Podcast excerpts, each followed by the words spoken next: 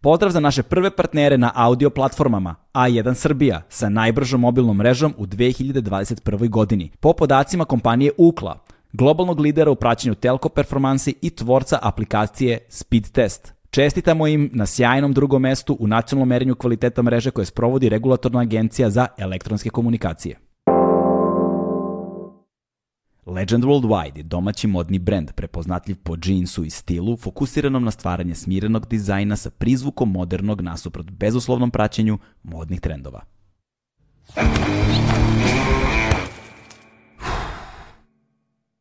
Hmm.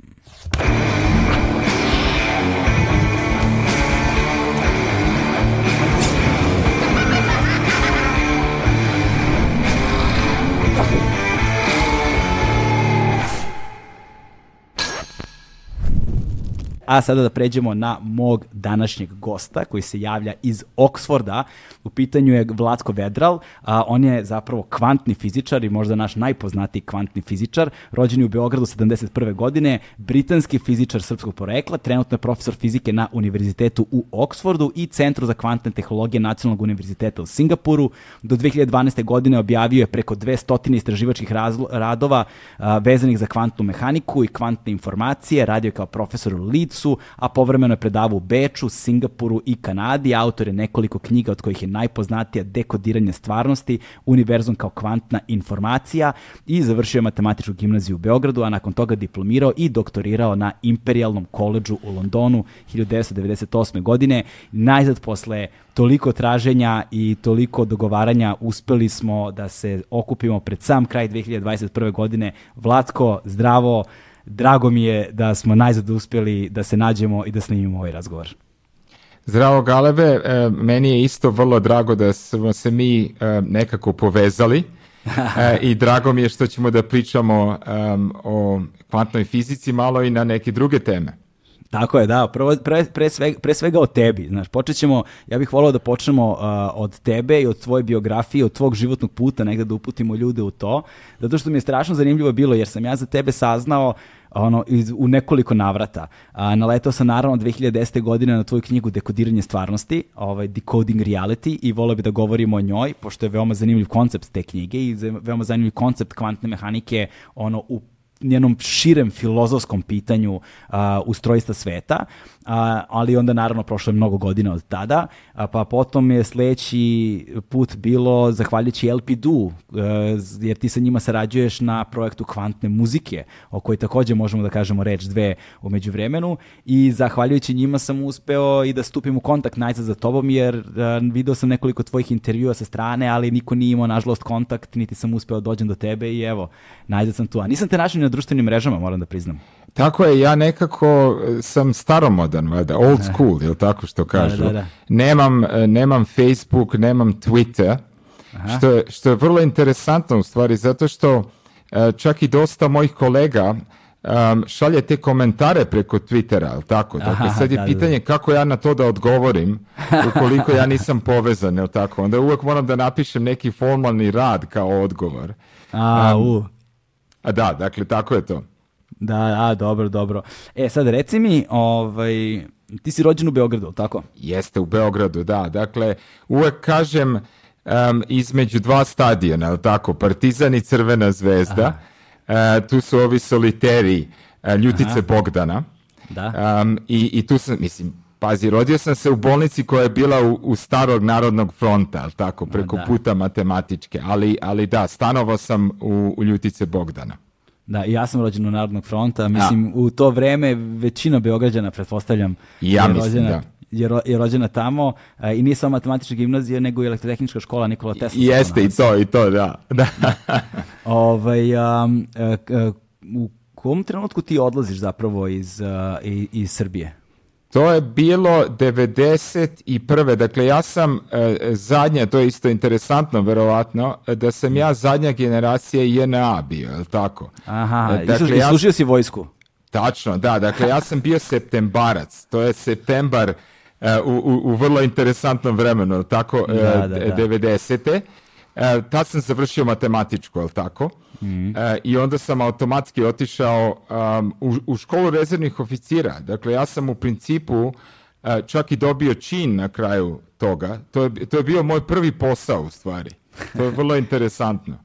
prvi posao, šta si radio? Prvi posao, ja mislim da je zadnjih mjesec dana nas su držali e, duže u to vreme, mm pošto je bila urgentna situacija tada i pošto su nas dužali malo drže, u principu su nam platili to. Aha, aha, Kao deo rada, tako. Ja sam dobio prvu platu, ja mislim, u septembru 1991. Tako nešto, ili avgustu, ne mogu se setim. Da, pazi, to je bilo veoma zeznuto vreme da budeš u vojci. Vrlo zeznuto vreme. Bilo je vrlo interesantno. Ja mislim da je to iskustvo koje je vrlo bitno Mislim, mhm. to je, u, većini slučajeva su to negativna iskustva, naravno. Da, Ali, ali, ali te nešto uči o životu, ja mislim, na kraju krajeva.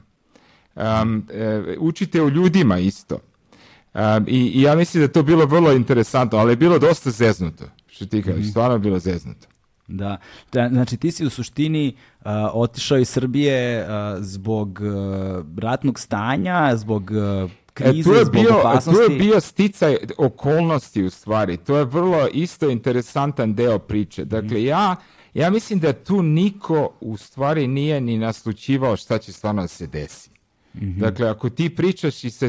Dakle, ja sam bio prvo mlađi vodnik, jel tako, u, u, u vojsci, a posle sam čak i dobio čin potporučnika posle toga. Dakle, bio sam i promovisan Um, um, u, valjda u to tih ekstra mjesec dana što sam uradio, jel mhm. tako?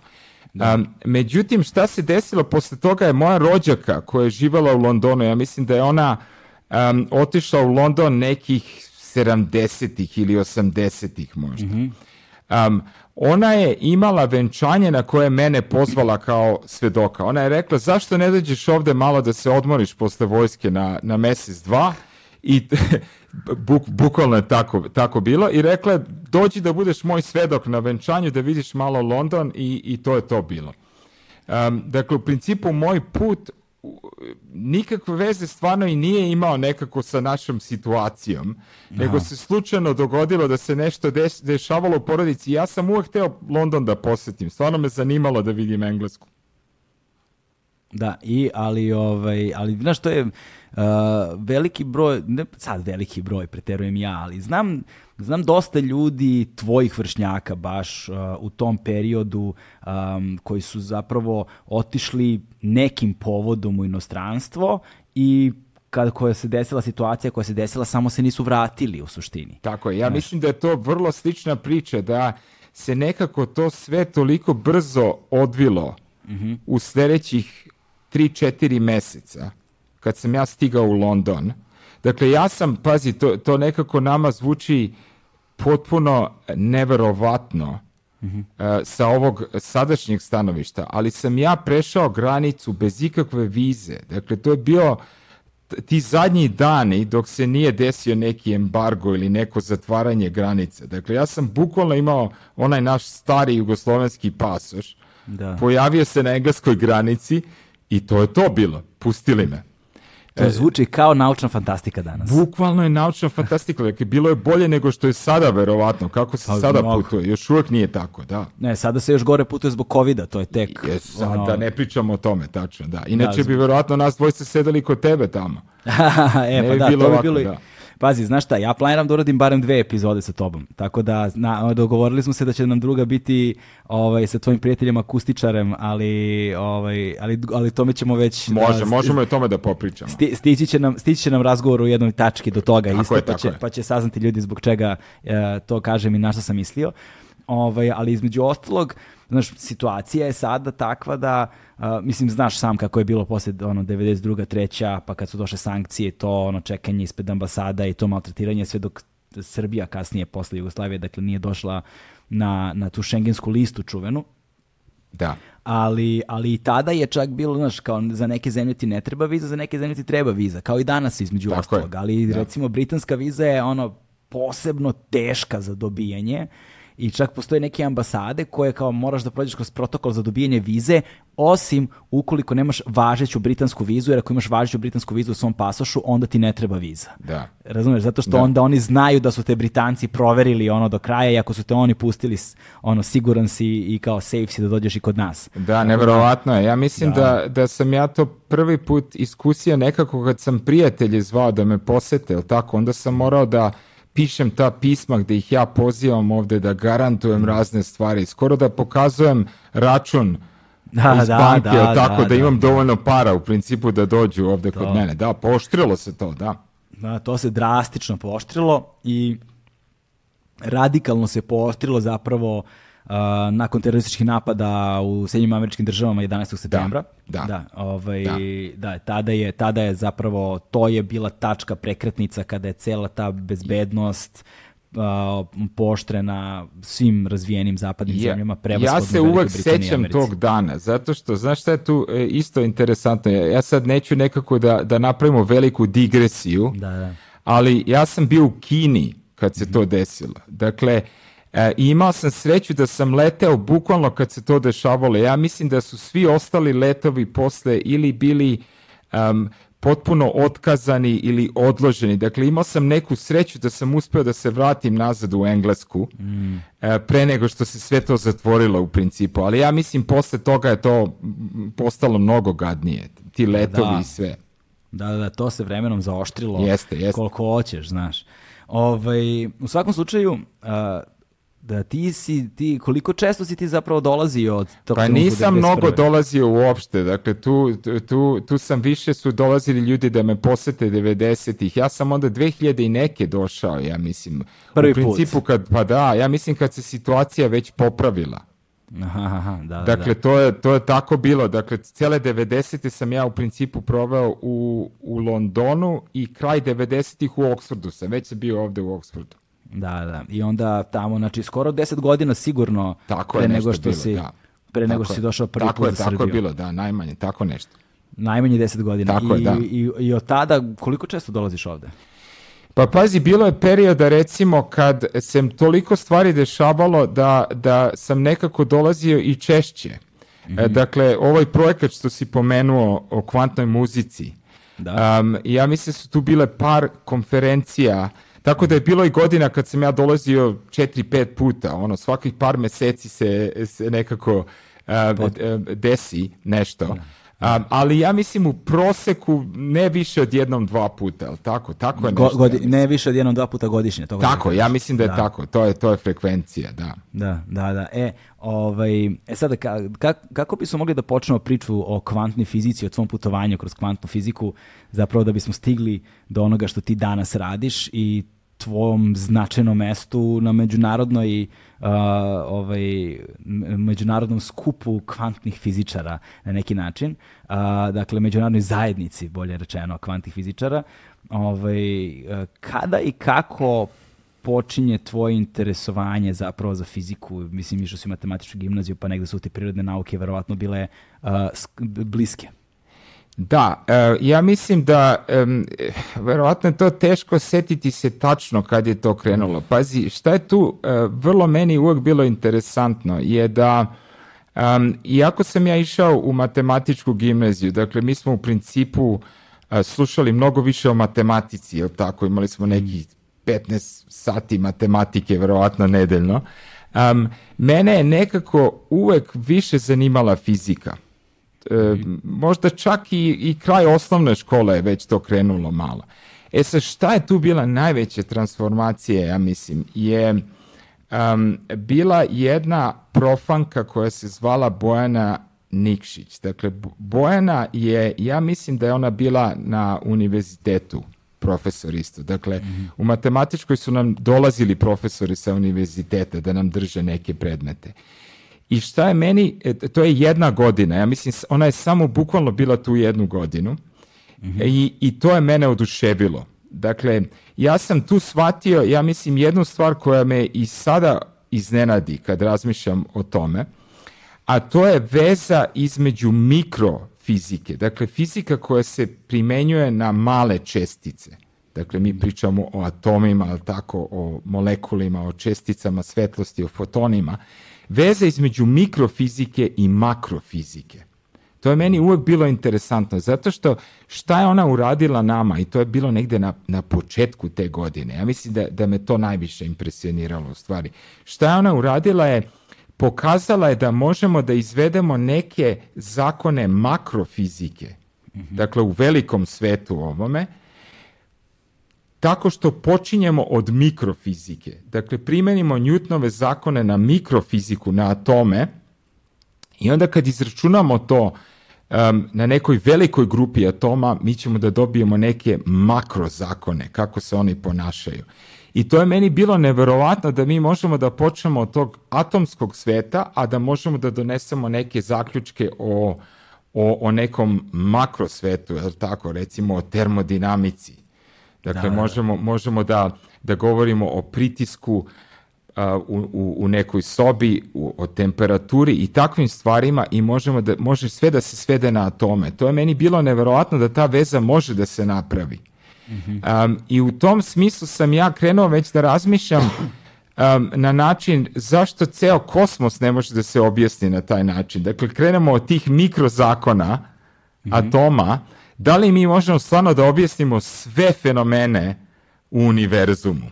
Da. E, sad to nas dovodi do, do, do, prvog negde pitanja koje je u sferi fizike, a odlazi malo od tvoje biografije, jer tek treba da pričamo o tvom periodu boravka jel te, u, Londonu i školovanja na Oksfordu i posle rada tamo i užeg interesovanja, stručnog interesovanja, dakle stručnog usmeravanja, to jest u okviru kvantne fizike, ali sad ta mikrofizika zapravo govoriš o kvantnoj fizici, tako? Je. Ovaj, i, Tako je. Gde je, gde, e, da li, mislim, pretpostavljam da je to pitanje na koje još uvijek ne postoji odgovor, ali me zanima gde se trenutno nalazi nauka sa time, gde prestaje ta e, kvantna fizika, kako kažeš, mikrofizika i počinje makrofizika. Tako je, tako je. Gde se nalazi stvari, tačna granica? E, to je u stvari ključno pitanje u mom istraživačkom radu, je tako? Da li dakle, pitanje je čak i, i malo drugačije. Da li postoji granica uopšte? Mm. A, a ako postoji granica, onda gde se nalazi, jel tako? Dakle, koji se objekti, koliko objekat mora da bude veliki, recimo, i na kojoj temperaturi da bude, na pritisku, kako da se ponaša da bi bio potpuno klasičan, da možemo potpuno da ga opišemo klasičnom fizikom, što su u principu Newtonovi zakoni, jel tako? da. E sada, mi, mi nemamo tu granicu. Dakle, e, čime se bavi eksperimentalna fizika je, e, bukvalno je ideja da uzimaš veće i veće objekte i da pokušavaš da ih staviš u ta kvantna stanja i da vidiš koliko ta stanja mogu da traju u stvari. Mhm. Dakle, glavno to stanje je ta superpozicija gdje se objekat nalazi na dva mesta u isto, u vreme. E, to je to. E sad, sad, sad naravno neko će da kaže, pa čekaj, koliki su ti molekuli, koliko su oni veliki a, i gdje je ta granica sada eksperimentalna? I pazi, oni su dosta mali. Dakle, mi se još uvijek bavimo molekulima koje su mnogo manji od živih, najmanjeg živog sistema. Dakle, čak i virusi, recimo, možemo da debatujemo da li su oni živi ili ne, ali čak su i virusi mnogo veći od tih masa kojima se mi bavimo u kvantnim eksperimentima. Dakle, još uvek, još uvek ti nekako možeš da imaš tu hipotezu mhm. da se kvantna fizika narušava čak i na nivou života. Dakle, i najjednostavniji živi organizam je moguće da narušava kvantnu fiziku i da je tu sve klasično u principu. Da.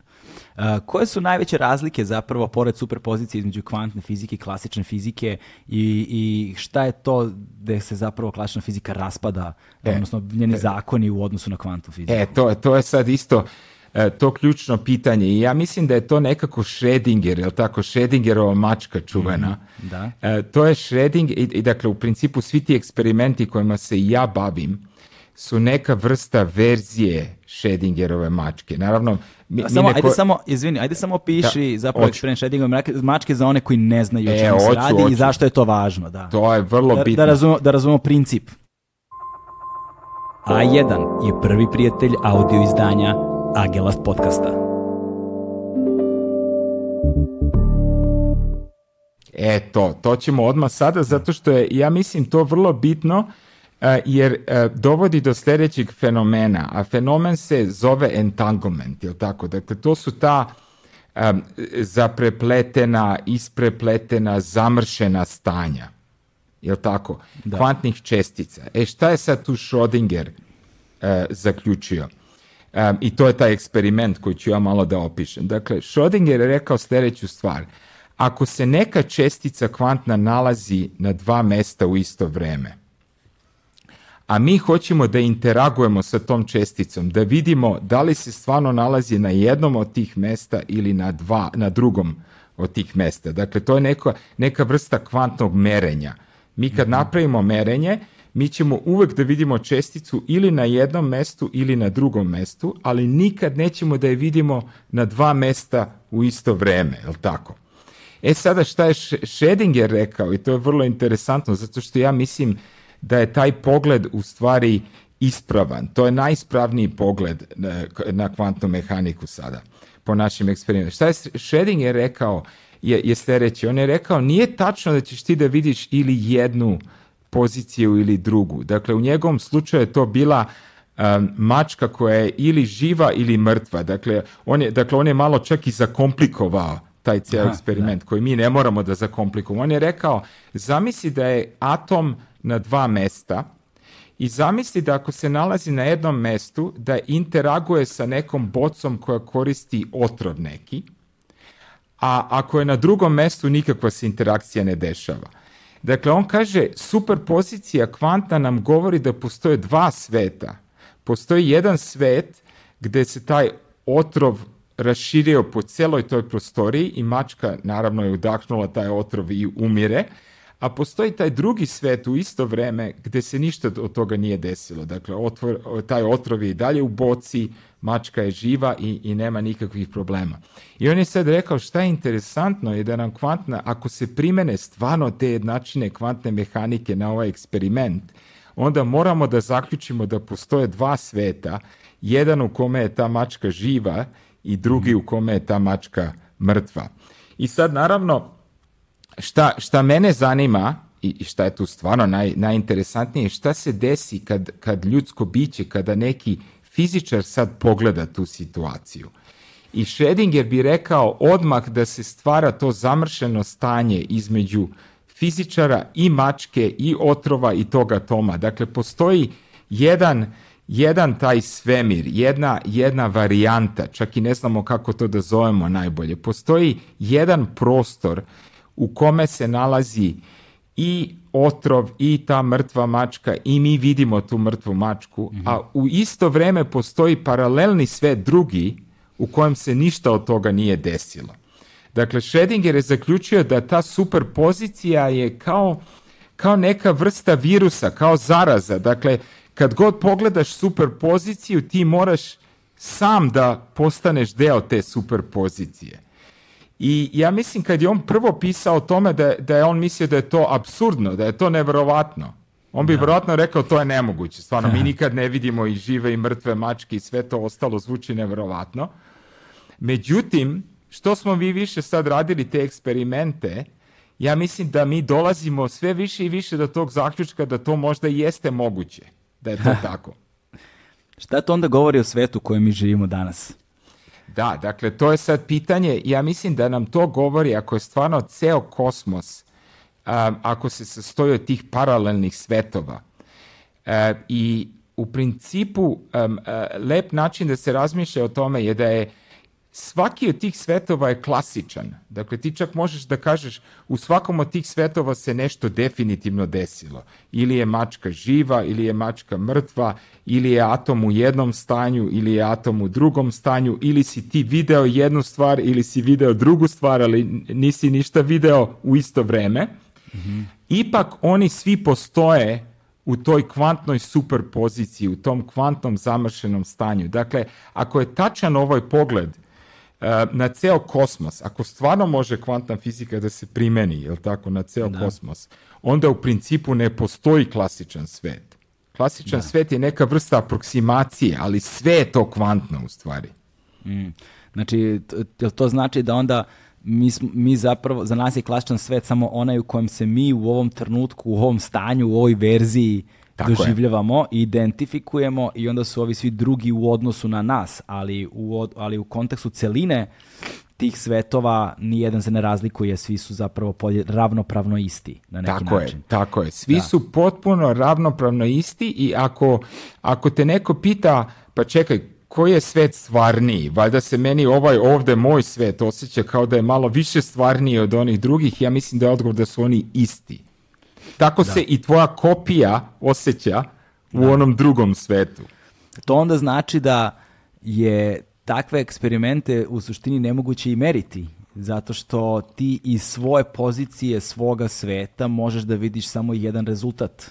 E, to je odlično. To što si sad rekao je odlično. U stvari, eh, većina mojih eh, studenta koji se bave E, e, koji su doktoranti, jel tako, bave se istraživanjem, se mhm. bukvalno pitaju to, to pitanje. Dakle, ti kad si jednom se priključio toj super poziciji, kad si ti jednom pogledao tu mačku, da li je mrtva, da li je živa, i kad si ti jednom video recimo jednu od te dve opcije, dakle recimo živa je mačka, ti onda ne možeš da se prebaciš u taj drugi svet. Dakle, ti si sve ostale svetove isključio iako postoje kopije tvoje u drugim svetovima, ti nemaš nikakav dodir, ne možeš ti to da uradiš, ali može neko drugi koji se nalazi izvan te superpozicije. To je e. sad interesantna stvar. To stvarno zvuči kao naučna fantastika sad. Da, ali e sad pravo pitanje, kako se naći izvan te pozicije? I ko je to, ako je, šta uopšte znači ko u tom kontekstu, a, ko može da posmatra super da kažemo, pod znacima navoda sa distance. E, to, pazi, to je sad skoro opisujemo jedan od mojih radova, u stvari. To se meni jako sviđa što me ti pitaš baš ova pitanja. Ja mislim da je to najinteresantnije baviti se bukvalno ovakvim. Sad, da li ćemo mi moći taj eksperiment da izvedemo u sljedećih desetak, dvadesetak godina, ja nisam siguran. Ali, pazi, moj rad se zove posmatranje posmatrača. Mm. observing the observer, jel tako? Dakle, ko posmatra posmatrača, je tako? To je, to je sad ključno pitanje tu. I šta je bitno je da e, naravno, što kažem, to je, to je neka vrsta naučne fantastike u ovom momentu, zato što bi to bio vrlo, vrlo težak i komplikovan eksperiment, pazi. Ali morao bi neko da kontroliše nekako tvoju svest i tvoje akcije. Dakle, dakle zamisli da si ti kao ta mačka – E, isto deo tog eksperimenta a da postoji neki eksperimentalni fizičar izvan cele te sobe koji može da kontroliše i atom i mačku i samoga tebe. Dakle, ta osoba zna da si ti u određenom momentu napravio to posmatranje i ti si video jednu od tih opcija. Ali što se tiče kvantne mehanike i što se tiče tog eksperimentalnog fizičara koji je izvan te prostorije ti i dalje postojiš u superpoziciji, ti si i dalje u tom zamršenom stanju. Dakle, dakle, ta osoba zna da postoji taj jedan svet u kojem si ti video jedno stanje mačke i taj drugi svet u kome si mhm. video to drugo stanje. E sad, šta taj fizičar mora da bude, mora da bude veštar da izvede je u stvari da ujedini te dve opcije. Dakle, e, postoje način, dakle, naše kvantne tehnologije i kvantni kompjuteri se baš i zasnivaju na ovom principu, da se ti svetovi koji se prvo razdvoje, jel tako, u mhm. tom prvom delu eksperimenta, sad moraju da se ujedine u jedan isti svet. I to ne možeš da uradiš ako si deo tih svetova, ali možeš da uradiš ako si izvan svih tih svetova. Da, e dakle, Sad pravo pitanje je zapravo kako bi takav jedan eksperiment izgledao. E to, da. Znaš, kako izgleda eksperiment u kojem postoji posmatrač van svetova i ono što je vrlo zanimljivo jeste što ta, što ta dva sveta onda imaju dva nivoa eksperimenta. Jedan, jedan jeste odlazak dakle u, u te svetove, a drugi je zapravo da li hod unazad ili zapravo spajanje njih. To je to. To si bukvalno odlično opisao. čak, čak i ta interferencija, to mi zovemo kvantna interferencija, jel tako, e, je taj stručan termin. Dakle, ti se bukvalno vraćaš nazad u principu. Sa te, ti, te dve opcije se vraćaš u jednu opciju. Ti hoćeš da, ih ujediniš. E, I to je, to je ključno da, da bi mi ikakvu prednost dobili iz tih kvatnih kompjutera mi moramo da možemo nekako da ih ujedinimo na kraju. Naravno, kad mi pričamo o paratoma ili, ili par molekula ili tih manjih objekata, onda je to manje više lako uraditi. Mi smo uradili sve te eksperimente sa fotonima isto. Ali sad mi pričamo o o većim objektima, o mačkama, o živim bićima, o ljudskim bićima, tako? da. To, to zvuči vrlo komplikovano. Dakle, mi čak i nismo sigurni kako to da, da izvedemo uopšte. Možda bi čak prvo morali da razumemo našu percepciju, kako funkcioniše nas, naša svest, gde se to odigrava u našem mozgu, tako? I onda mhm. neke vrste interakcije da napravimo sa tim. Ali šta je tu meni vrlo interesantno je sledeća stvar – ti se nalaziš recimo u jednom svetu i vidiš tu mrtvu mačku. Ali ako sam ja izvan te prostorije, ja u sljedećem sekundu mogu tebe da ujedinim i da se ti vratiš u svet gde je mačka živa. Pazi, to je, to je, to je ta naučna fantastika. To zvuči neverovatno. Dakle, e, dakle čak, čak i, i merenje koje si ti izvršio, ali koje nisi video, Dakle, ti si video mrtvu mačku, a ne živu mačku. Mhm. Ja tom interferencijom mogu da te vratim nazad da ti vidiš ovo drugo merenje u stvari koje se desilo. Što je neverovatno. Sad, šta je, tu, šta je tu isto bitno je da bi ja morao potpuno da obrišem celu memoriju u tvom mozgu. Zato što ukoliko bi ikakav trag ostao toga da ti možeš da se setiš da si video mrtvu mačku ili živu mačku, to bi potpuno narušilo ovaj eksperiment.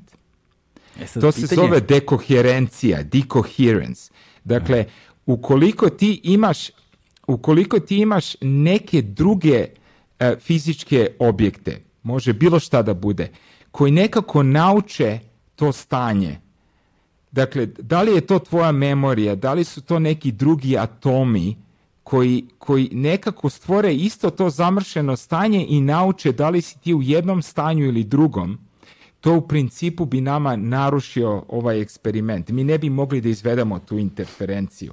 Dakle, ti bi se nekako vratio nazad, što ti kažeš, u mm. jedan svet i mačka bi bila živa kao na početku tog eksperimenta, ali ti ne bi znao, ti se ne bi sećao da si bio u toj super poziciji pre. E, Znači, hoćeš da kažeš da je saznavanje o stanju zapravo učenje stanja, odnosno da ti saznavajući o stanju se adaptiraš na stanje Tako i I ukoliko si se adaptirao na stanje, ne možeš da budeš u drugom stanju. Tako je. Nego ti Da, bi, da bi eliminisao adaptaciju, moraš da eliminišeš znanje.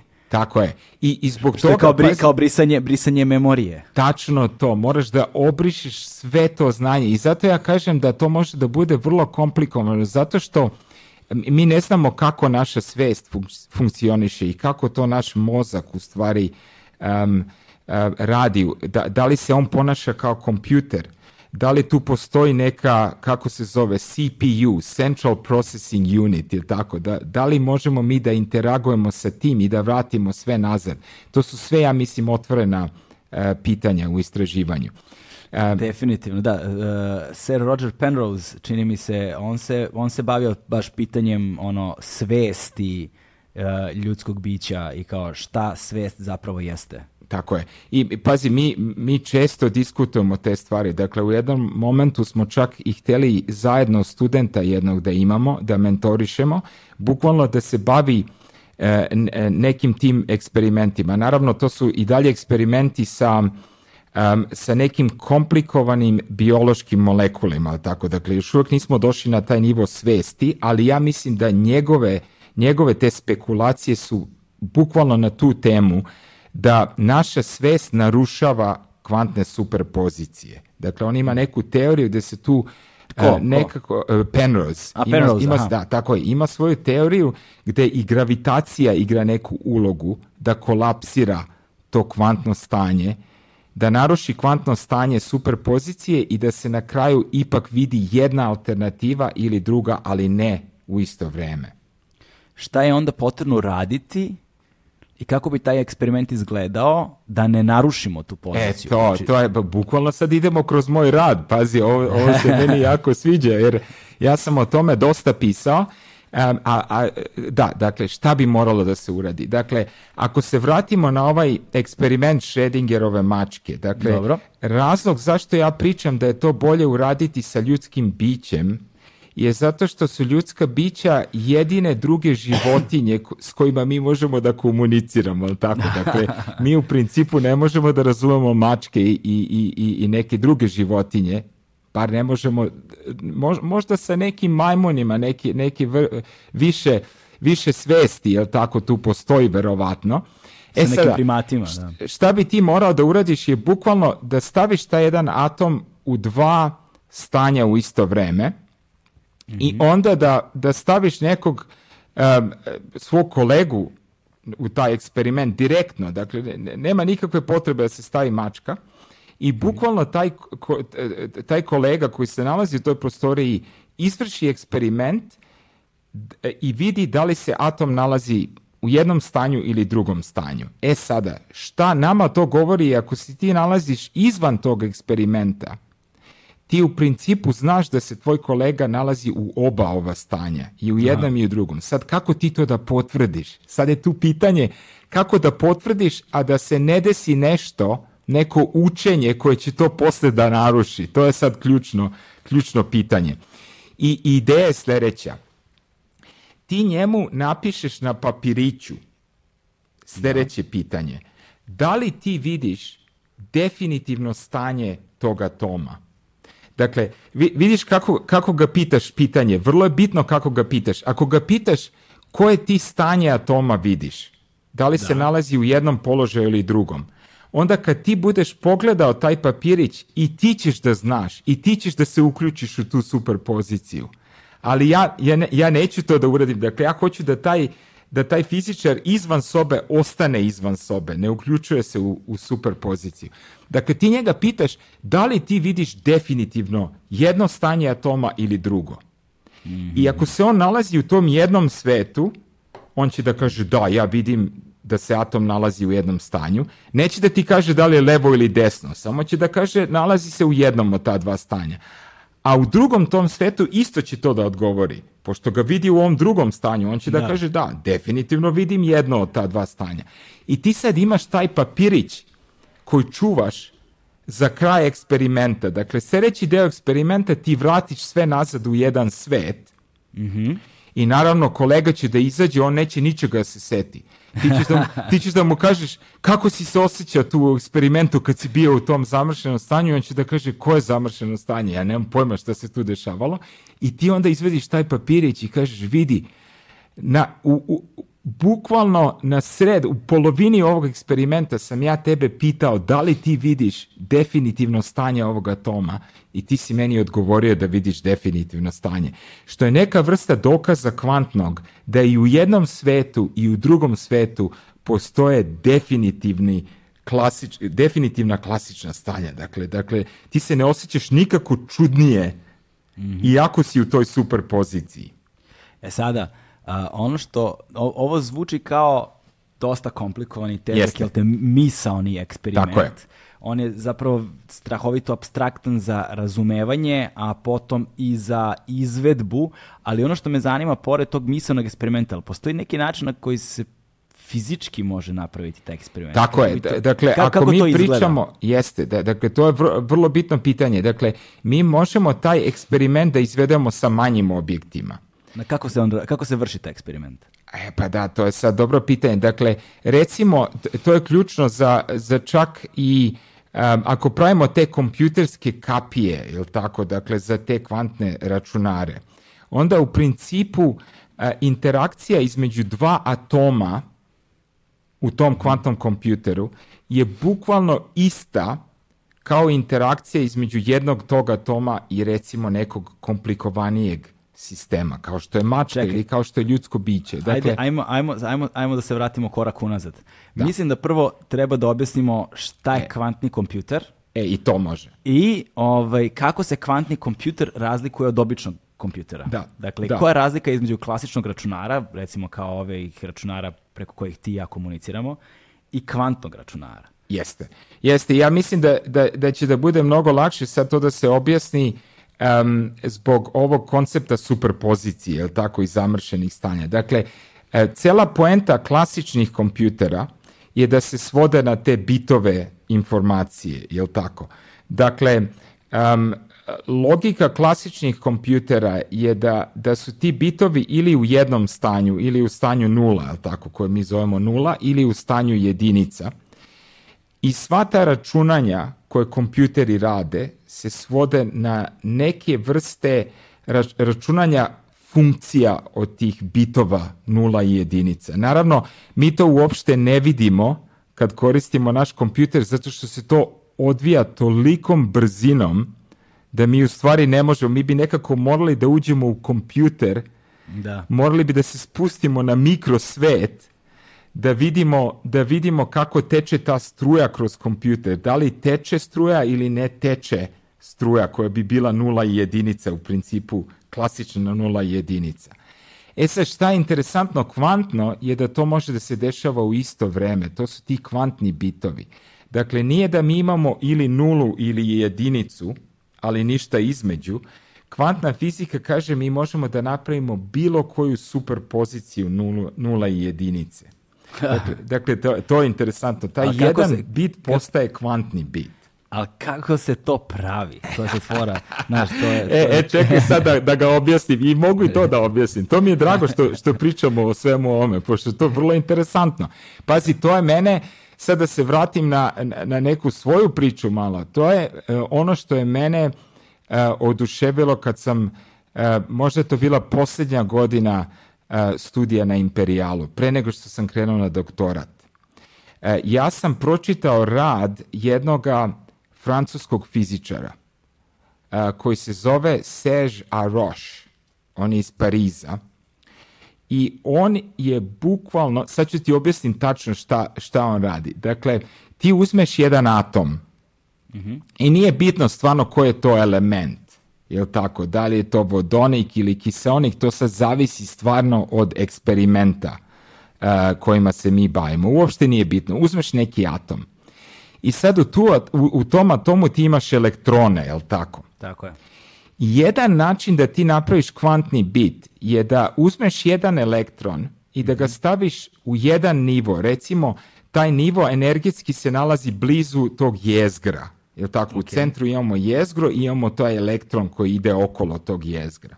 E sada, kvantno taj elektron može da se nalazi na jednom tom nivou koji je blizu jezgra ili može malo dalje da se stavi od jezgra.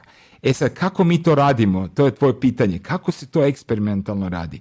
Moraš nekako laser da namontiraš da tačno interaguje sa tim atomom. Dakle, frekvencija laserska frekvencija je isto što i energija u principu po kvantnoj fizici. Ta energija lasera mora da bude tačno jednaka toj energiji između ta dva nivoa elektronska. Dakle, ako se elektron nalazi na nižem nivou, ti možeš da ga pobudiš interakcijom laserskom, da mu daš dovoljno energije da skoči na viši nivo. Dobro. Dakle, to je bukvalno sada... E, ako, se, ako se nalazi na višem nivou? isto onda se vraća nazad. Odlično pitanje. To je kao ova eh, eh, logički ne operacija, je tako? Dakle, ako je nula, ti ga mhm. bacaš u jedinicu, a ako se nalazi u jedinici, ti ga vraćaš nazad na nulu. I u principu klasično je to isto tako. E sada, sad pazi o, ovu fintu, šta možeš da uradiš. Ti kažeš, čekaj, moj eksperiment je trajao jednu sekundu recimo. Trebalo mi je jedna sekunda da pobudim ovo, tačno iz nula u jedinicu. Šta bi se desilo ako bi eksperiment e, prestao posle pola sekunde? Ajde da uradim pola eksperimenta. Dakle, pritisnem laser, ali ga isključim posle pola tog vremena. Nema više interakcije sa atomom i odgovor kvantni je da se sad nalazi u superpoziciji između te nule i jedinice i to je to. Dakle, tako si napravio superpoziciju. Znači, on će se nalaziti na dva mesta u isto vrijeme. To je to. Elektron se nalazi i bliže i dalje od jezgra u isto vrijeme. Čoveče. Pazi, nevjerovatno. da, ali ti time nisi stvorio dva elektrona, nego je to jedan elektron e, koji je na dva mesta. E, vidi, to je odlično pitanje, zato što su E, postojale teorije. Pazi, dakle, tu su, mi pričamo o ljudima koji su čak i, i otkrili kvantnu mehaniku, dakle, Heisenberg, Schrödinger, Bohr, svi ti ljudi su čak na početku i imali teorije da se narušava čak i zakon održavanja energije, da si nekako od jednog sistema stvorio dva sistema u isto vrijeme, Ali to je pogrešno da se tako razmišlja. Mhm. E, dakle, šta kvantna fizika nam kaže da postoji verovatnoća da se elektron nalazi u jednom stanju, a u isto vrijeme postoji verovatnoća. Dakle, kao da imaš pola elektrona na jednom nivou, a druga polovina se nalazi na drugom nivou. To je takvo, takvo e, stanje. E, e, sada, ok, mi eksperimentalno znamo da se elektron onda Eh, zato što je urađeno pola eksperimenta, pola bita. Ne tako je, pola, bukvalno kao da je pola bita, a u stvari je više od jednog bita. Je da, tako, da, da, ovaj, se nalazi eh, u superpoziciji. Ali da li mi imamo problem da to izmerimo? Odnosno, da li mi u trenutku kada merimo uh, eliminišemo e, superpoziciju? odlično pitanje. Odlično pitanje i ima dva odgovora. Postoji jedna vrst, i postoji jedno vrste, e, vrsta merenja koja u principu narušava to. Dakle, ako bi ti sad stvarno pitao pitanje, a mogu i to da objasnim kako se to radi, pazi. Mhm. E, ako bi ti pitao pitanje da li se sad elektron nalazi u nižem ili višem nivou, gde se nalazi? Mhm. Ti bi u principu mogao to da odrediš i onda bi narušio superpoziciju. Onda bi posle toga dobio definitivan odgovor da se nalazi ili u jednom nivou ili u drugom nivou. Ali pazi, ako se setimo Schrödingera, on bi rekao koji god da si dobio odgovor, postoji tvoja kopija koja je dobila drugi odgovor u ovom, u slučaju.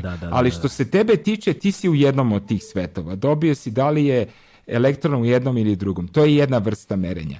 Druga vrsta merenja je da vratiš nazad tu superpoziciju i da ih ujediniš u jedan svet. E to je, to je bitno za kvantne kompjutere. Da se ne narušava superpozicija, nego da se stalno kontroliše superpozicija, da se prave svetovi i u isto vreme da se ujedinjavaju. Dakle, to je, to je dakle, dakle, dakle, da dakle, ti imaš permanentno stanje polueksperimenta. Tako je. Ono, znaš, E, to je odlično. To što si sad rekao, ta analogija je baš tako.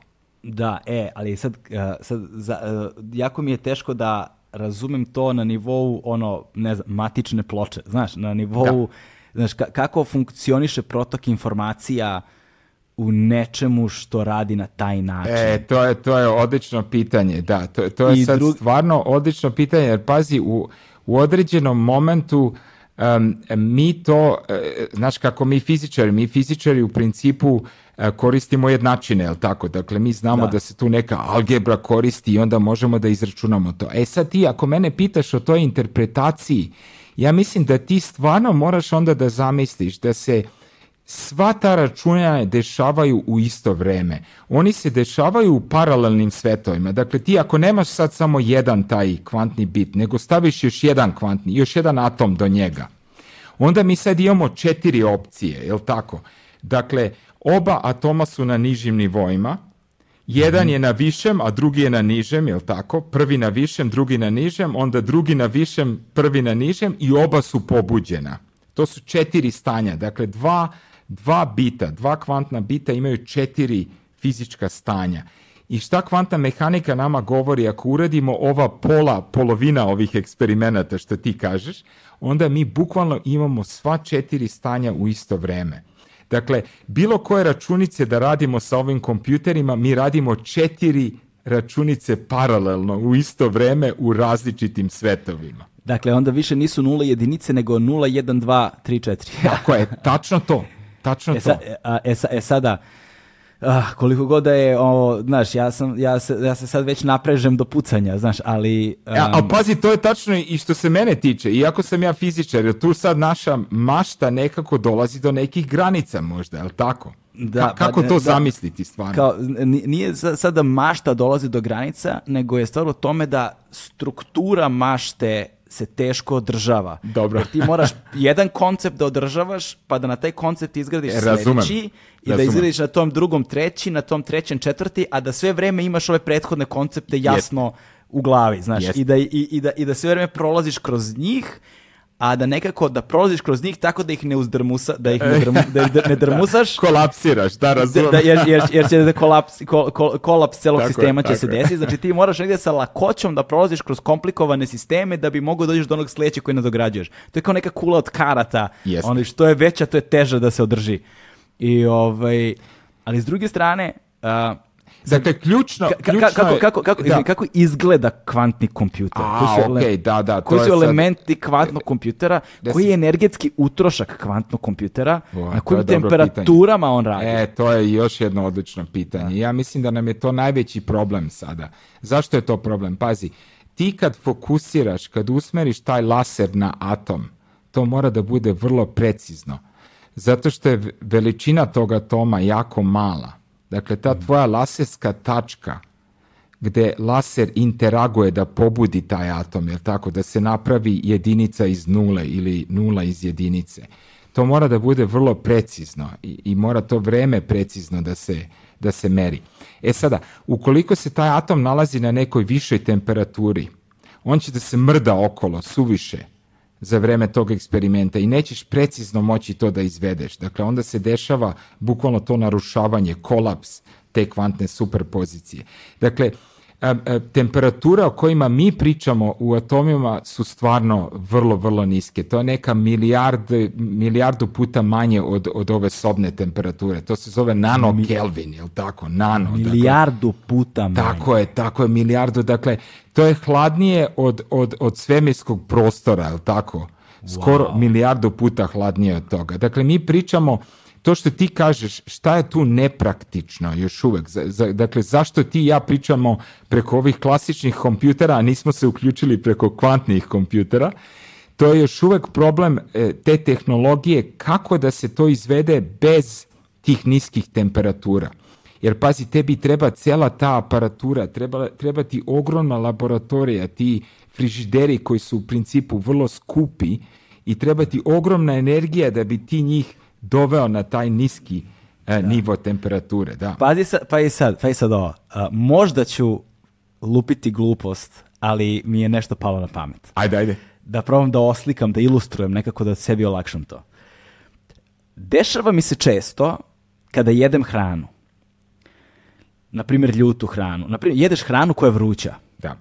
I ovaj, da li ti se nekada desilo da jedeš, uzmeš kašiku, ne znam, vruće supe, i kada je, kada kada kada hrana na tačno određenoj temperaturi, nisi siguran da li je ljuta ili vruća. E, to mi se desilo, da. Znaš, jedeš i kao nisi siguran da li je ljuta ili vruća. Jeste. I zato što mi u suštini nemamo receptore za ljuto.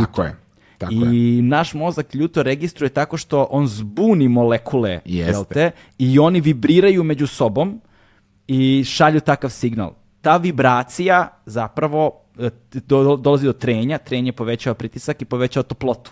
Jel tako? Tako je. I zapravo vruće i ljuto imaju vrlo slične senzacije zato što jedno je vruće, ono diže temperaturu molekula, oni njihovo kretanje su brzava, taru se i ti imaš efekat tako Je, tako je.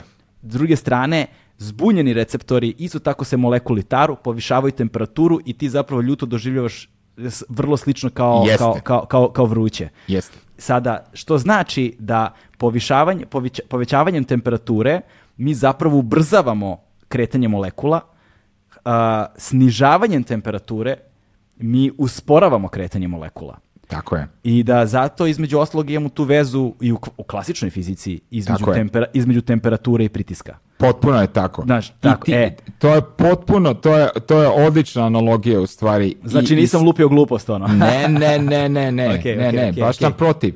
E sad šta postoji što, sad znači da ti zapravo, izvini, što znači da ti zapravo hlađenjem atoma u stvari usporavaš elektrone tako je. u atomu. Tako je, usporavaš ih i sada po Na koju brzinu ih usporavaš? u po klasičnoj, pazi, po klasičnoj fizici bi ti bukvalno mogao na nulu da dođeš.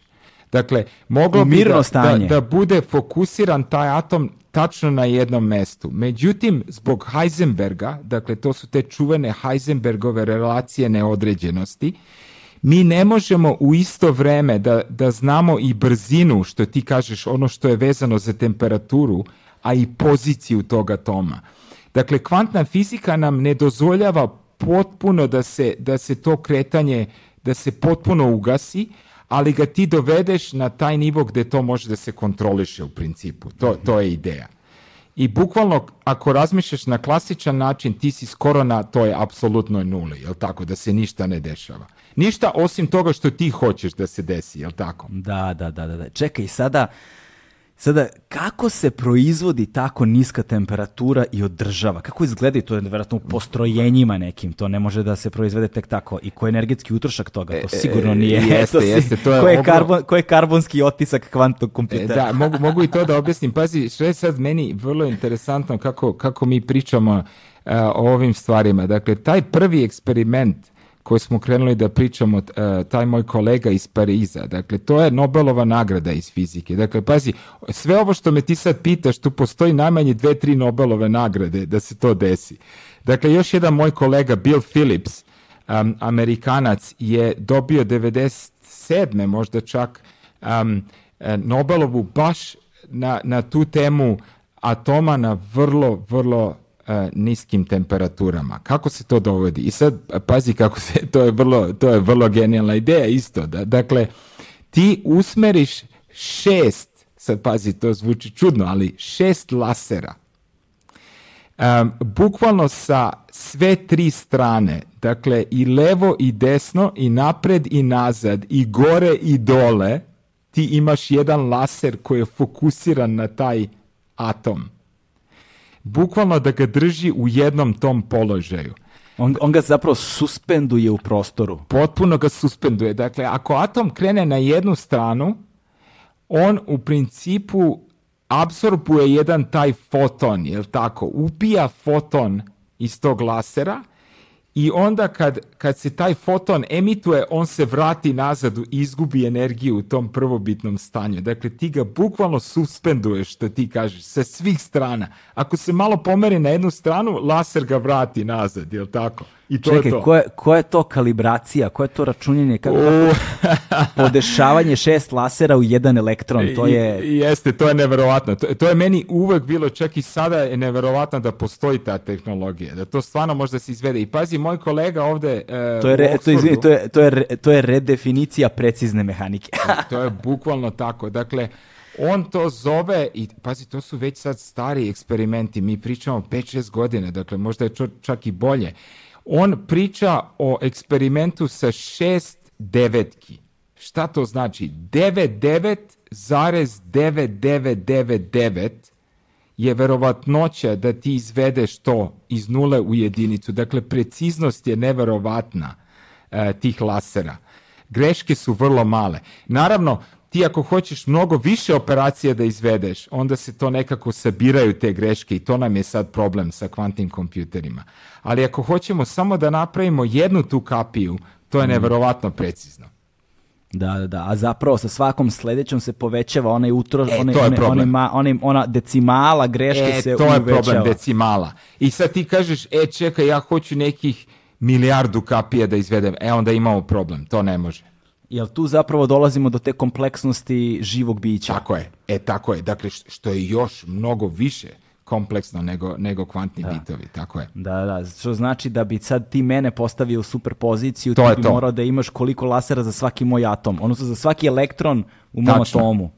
Tačno. Da, to je ono, a koliko mi atoma imamo u telu, na e, primjer. E, tako je, dakle, to je vjerojatno taj avogadro broj, dakle, to je neki 10 na 24. peti stepen, to je neki ogroman broj. Sad, šta se ja nadam, naravno, je da možda ako otkrijem, pa, Prvo, naravno, šta se nadam je da ne moramo da te spustimo na te nano Kelvine, jer onda više ne bi bio živ, jel tako? Onda cela ta poenta eksperimenta ne, važi više. Nego, ja mislim, šta je tu sad još bitnije da li mi možemo, zato ja mislim, da li naša memorija možda e, koristi mnogo manje tih atoma.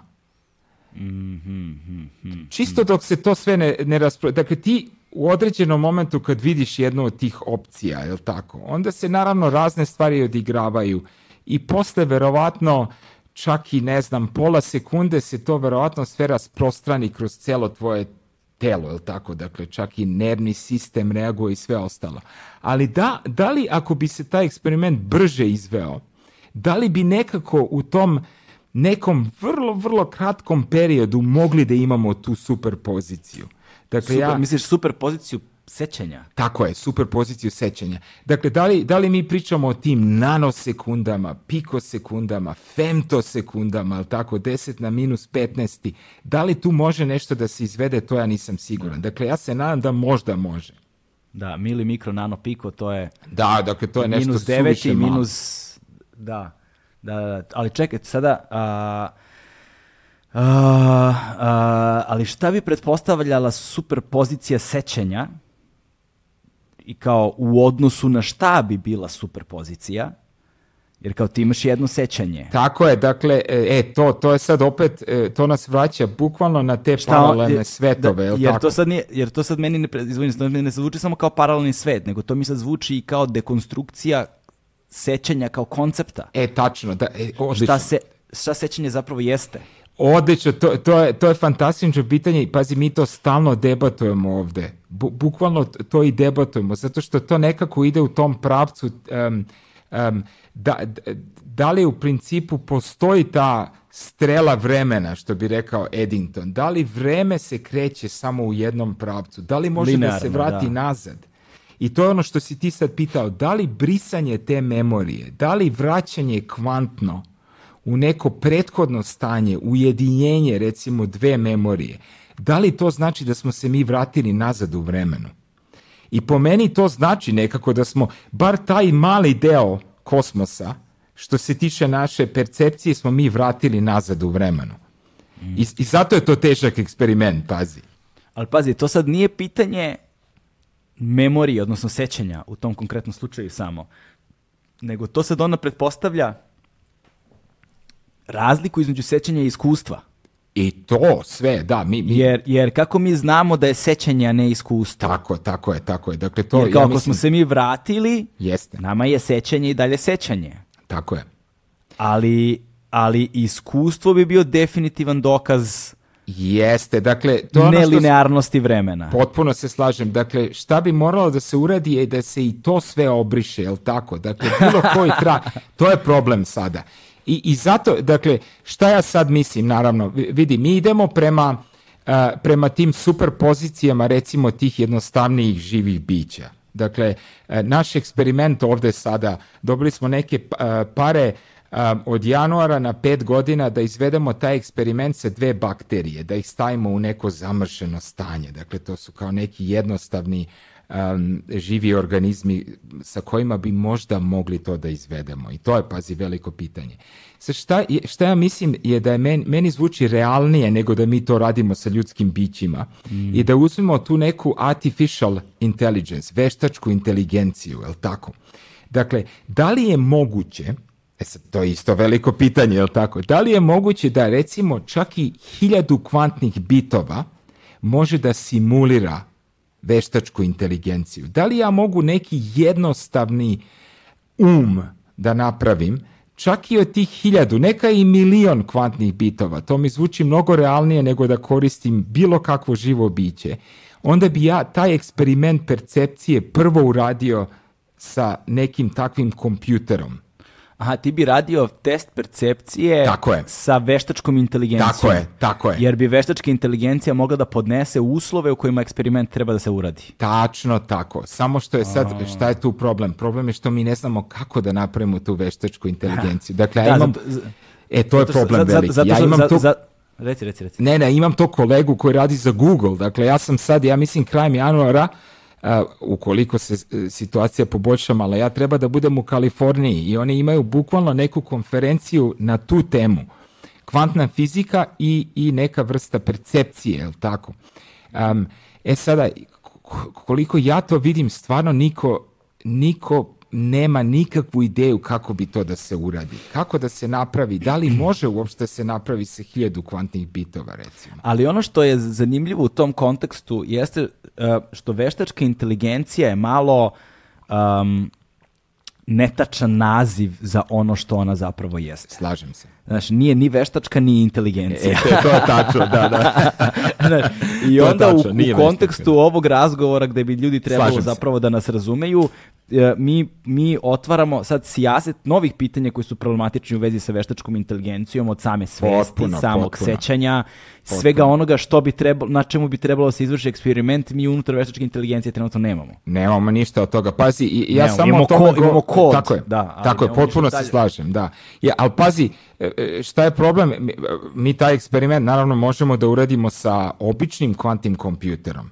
Dakle, ti možda kažeš pa čekaj zašto samo ne ne napraviš zamršeno stanje između jednog atoma i nekog manjeg kvantnog kompjutera koji već postoji, jel tako? Dakle, mhm. Google ga ima recimo, D-Wave ima raznih tih kompanija koje to imaju. Onda problem je toga što je, što je što je najveće tu pitanje, onda naravno ti ćeš da dobiješ neki odgovor i moći ćeš verovatno da napraviš te superpozicije, ja mislim da to nije problem, moći će da se vrate te superpozicije, interferencija, sve je to okej. ali ti dalje ne odgovaraš na to pitanje percepcije koje meni zvuči ključno. Kako se ta inteligencija, bilo kakva da je, prirodna veštačka, kako se ta inteligencija osjeća u toj superpoziciji? Dakle, mm. tu je to ključno pitanje, zato što neki ljudi, recimo, ti si pomenuo Penrose, jel tako? Dakle, neki ljudi kao što je Penrose ne prihvataju da postoji ta superpozicija. Dakle, on bi rekao, ne, ne, to je nemoguće. E, percepcija mora da naruši to kvantno stanje i mora da stvori ili jednu stvarnost ili drugu, ali ne obe u isto vrijeme. Nemoguće je da će obe da se održavaju. Dakle, zato je nama bitno da postoji neka percepcija tu koju ja mogu da pitam i da interagujem i da kažem čekaj kako se ti sad osjećaš? Da li se osjećaš da si u jednom stanju i da vidiš jedan svet oko sebe ili se ne osjećaš tako? I ako je kvantna fizika tačna na tom nivou, odgovor će da bude definitivno se osjećam kao da sam u jednom stanju. Dakle, to je ono što bi mi da, testiramo. Ali tu je sad opet problem, mislim, znaš, mislim, evo sad ja kao, kao, kao znalac, znaš, nego samo razmi, sad ono, koji su, moji, Kapaciteti, koji su moji kapaciteti, dokle ja dobacujem, dakle, eh, s ovim svojim laičkim, jel te, ono, znanjem. Dakle, s jedne strane, eh, osjećanje je podložno subjektivnosti. Znaš, da. i onda imaš ono, on, imaš, imaš sučeljavanje subjektivnog i objektivnog. Znaš, šta pretpostavlja objektivno merenje subjektivnog stanja. Jeste. To je jedan problem koji ne znam kako može da se standardizuje, da se empirijski utvrdi. Znaš, šta bi bilo nulto stanje u odnosu na emotivno stanje. Da. da. Ovaj, to je jedna stvar. A, a druga stvar, da ukoliko mi govorimo o nužnosti narušavanja kvantnog stanja posmatranjem stanja, mi onda govorimo o problemu determinizma na neki način. Tako je. Znači, sada, je, sad, to, sad se tu ulazimo, mislim, u kao filosofsku sferu. Jeste ono determinizma ili šta bi bilo suprotno determinizmu. tako je. Tako je. Nedeterminizma. Jeste, ne baš ne tako se zove, nedeterminizam, da. Nedeterminizma, znači i, i to je nešto o čemu si ti zapravo mnogo govorio, to jest pisao Jeste. puno, još od, još od svog, svoje knjige Dekodiranje stvarnosti A, tamo 2010. godine koja je objavljena, ali ona imala više izdanja, tako da ukoliko budem našao neki a, live link za kupovinu tvoje knjige, ovaj, stavit ću ga u opis. E, pa ovaj, nema problema, mogu ja da, da nema problema. Pa ne, za ljude koji slušaju naravno, pa, bi, pa bi volili da kupe knjigu da, da malo, da malo, da malo ovaj, saznaju više o tome a, a, volio bih da sada da, da sad uđemo u to, pa ćemo onda, pa nam je to taman onda ovaj dobar šlagvor da uđemo u dekodiranje stvarnosti, ali pre toga me zanima koliko su veliki ti kvantni kompjuteri i kakvih vrsta kvantnih kompjutera zapravo ima. E, da. I, I, zanima me, nisi mi odgovorio, kako se i gde postižu tako niske temperature? E, Pazi, te niske temperature što smo rekli, stvarno ti treba ta laserska tehnologija, jel tako? Da se, da se bukvalno um, da se bukvalno dovede, dakle, ti, ti imaš neke standardne metode da se možda dovedu temperature na mili Kelvin. Um, na malo veće temperature to je još lakše, verovatno, i to više izgleda kao neki frižider stvarno. To, to mhm. možeš tako i da zamisliš, ti malo otvoriš neka vratanca, staviš tu um, bocu sa tim eksperimentom, šta god da se nalazi unutra u frižider i to može da ti spusti na neki recimo mili Kelvin. Dakle, to, to su standardni frižideri. Međutim, šta je bitno u ovim kvantnim eksperimentima da se ide neku milijardu puta dublje, tako, ili niže od toga. I onda tu jedina tehnologija koju mi imamo su stvarno ti laseri.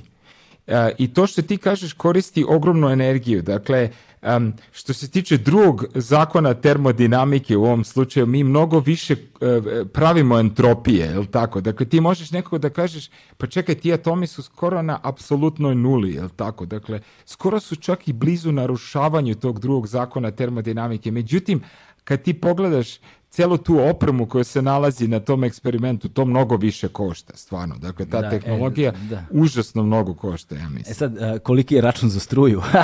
Pazi, račun za struju, račun za, za sve te gasove koje se koristi i sve. Dakle, u principu neka ovakva laboratorija o kojima mi pričamo je nekih milion dolara godišnje.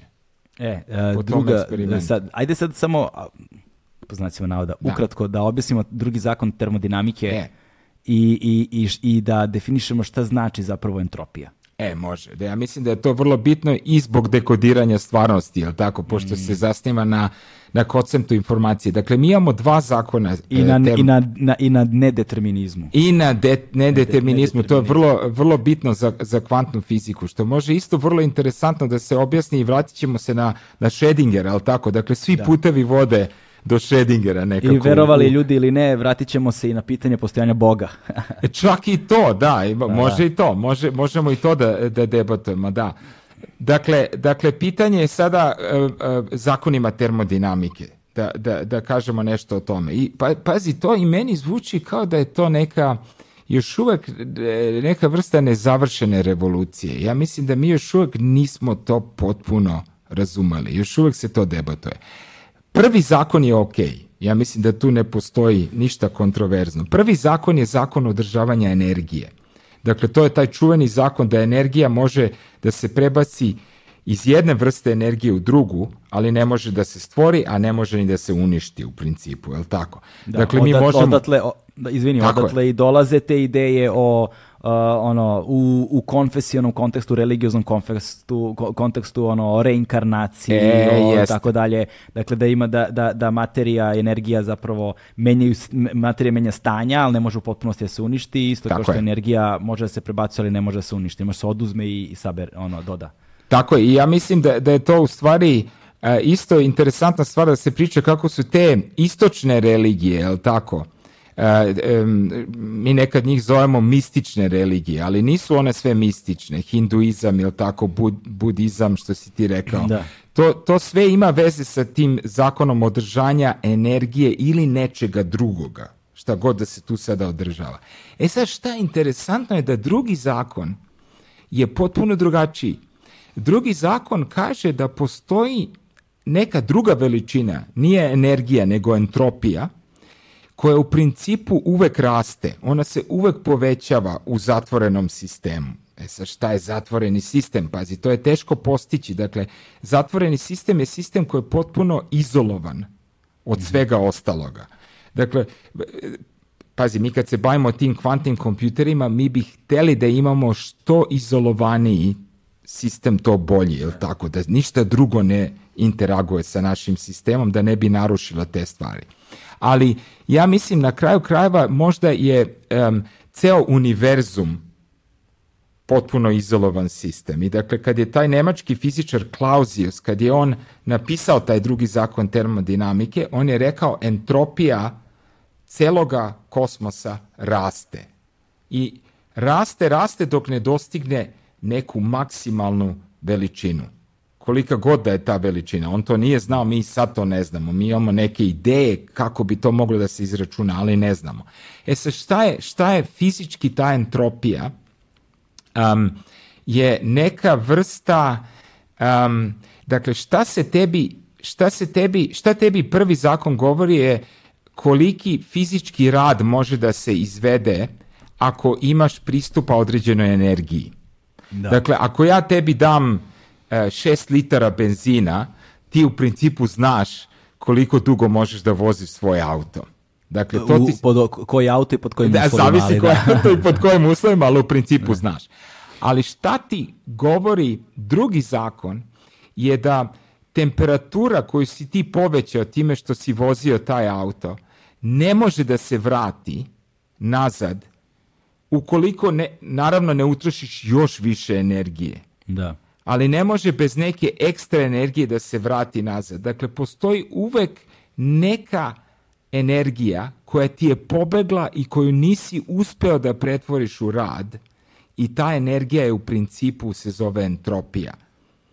Um, ta izgubljena energija. Iz, ta najbolje da se zove izgubljena energija, energija. Tačno. Zapravo, dakle- zapravo ta ideja je da, da, da, da se mi nalazimo u nekakvom permanentnom stanju entropije još od, od, od velikog praska. Tako je. Veliki prasak bi trebao da bude neka niska vrsta entropije, što je nama isto veliko pitanje. Zašto je to niska entropija na početku bila? Zašto je kosmos tako krenuo od niske entropije i onda raste, raste, ali tako? Dakle, svaki put kad se nešto desi što pretvara energiju u neki fizički rad, Uvek se gubi neka energija i ta energija se nepovratno gubi po drugom zakonu termodinamike. I pitanje za nas fizičare je da li je to stvarno tako.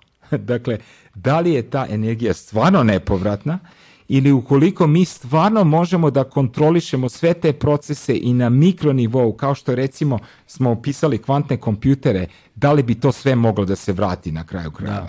Da. to je zapravo, e, sad, sad razmišljam, opet imam neku asocijaciju malo, malo nategnutu, ali možda nije bezmislena.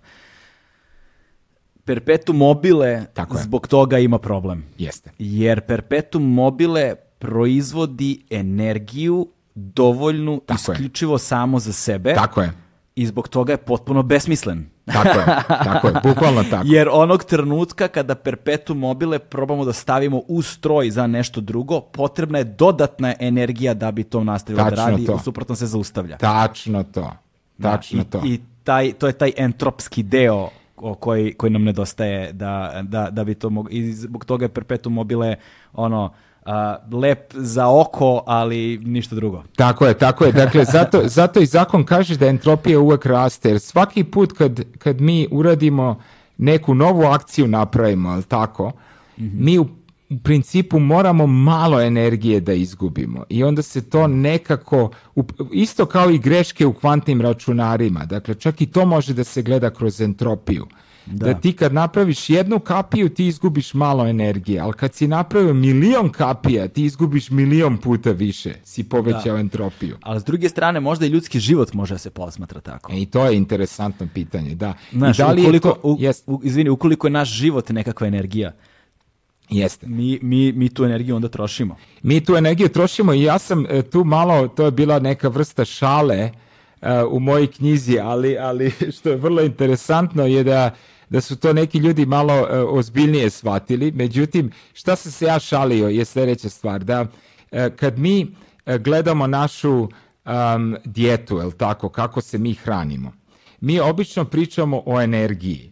Jel tako? Dakle, ti uzmeš tu čokoladicu i kažeš, evo vidi koliko energije, koliko kalorija to ima, ja bi trebao možda jednu dnevno, ali ne više zbog kalorija. I šta je bila cela poenta u, u, u mojoj knjizi, u jednom delu te knjige, je da ja kažem da to nije u stvari energija, nije energija najbitnija, nego entropija. Mhm.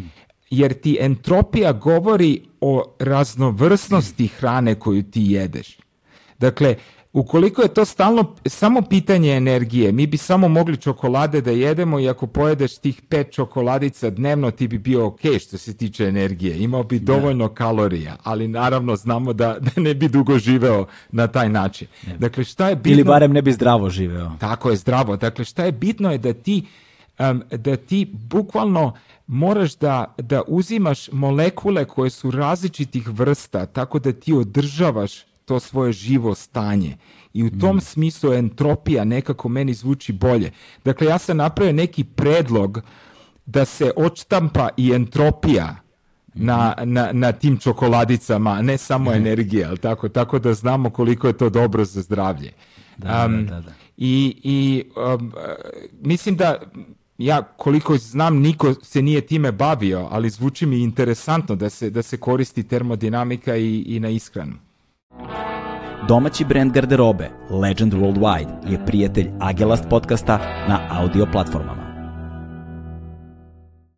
Da vidiš, to je, to je, to je dosta ovaj, sad, ali to bi značilo da neko je, mora da ima ozbiljno znanje iz Tako fizike, ja da bi se bavio nutricionizmom, što, ovaj, što sigurno nije veliki broj ljudi na ovom svetu. E, nije još uvek, da, ja mislim da, da nismo još uvek na tom nivou mikro, da, mikro a, jel tako? Da, da, da, da, da, pa dobro, imamo makro i mikronutrijente, znaš, tako, je, da. da.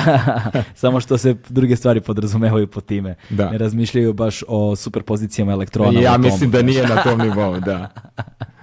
E, a, hajde onda da probamo da se, ovaj, da, da, da sad zakoračimo već u, u, u dekodiranje stvarnosti ovaj, odnosno univerzum kvantnih informacija.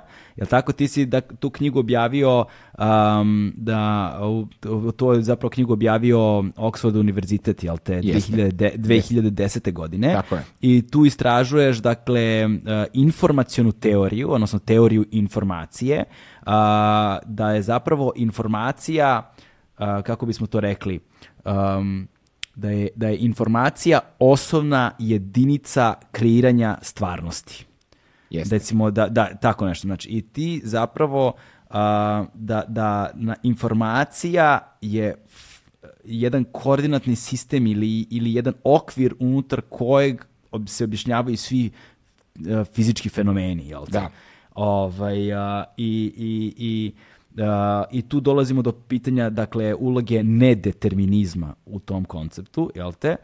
Ovaj, I sad, eh, tu bi možda bilo najbolje da idemo nekako, ono, u ovom slučaju linearno hronološki. Jeste.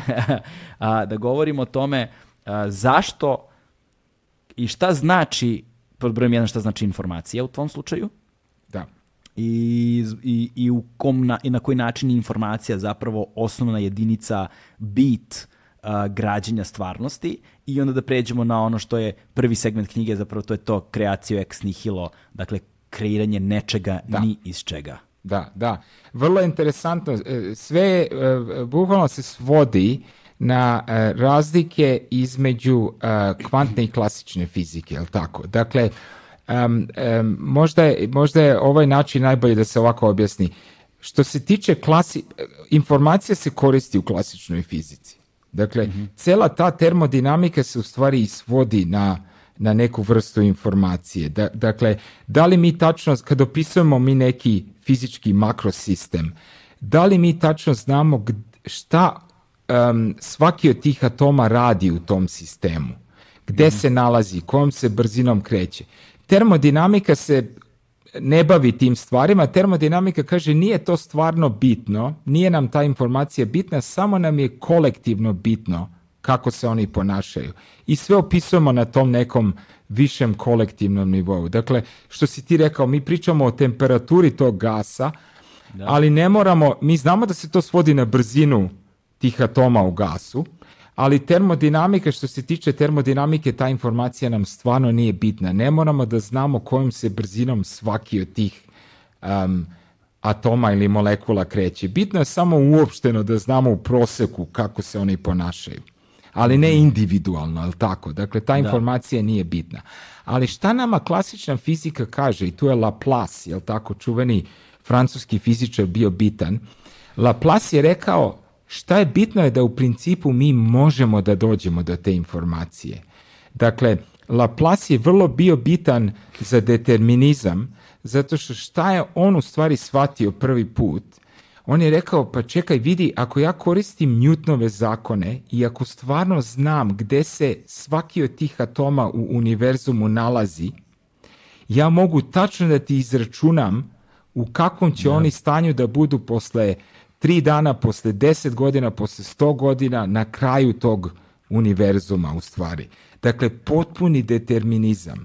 Dakle, on je rekao šta nam je samo bitno je da imamo način da otkrijemo to prvo stanje u određenom momentu svih čestica u kosmosu, posle toga ne postoji slučajnost više. Mm. Sve je determinističko.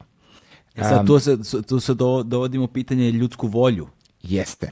I to je za njega čak bilo, tačno. Dakle, da. tačno šta sad to znači što se tiče e, ljudske volje i naših odluka, jel tako? Dakle, da li kad sam ja napravio odluku, da li sam ja napravio tu odluku ili je to već predodređeno bilo potpuno nekim stanjima tih čestica materije u meni, izvan mene, bilo gde u kosmosu, jel tako? To je sad veliko pitanje. A znaš šta je zanimljivo? da li se mi u kontekstu svesti Sad, bilo bi zanimljivo tebe čuti šta ti misliš da svest jeste ili u kom smeru bi trebalo razmišljati o tome šta bi svest mogla da bude.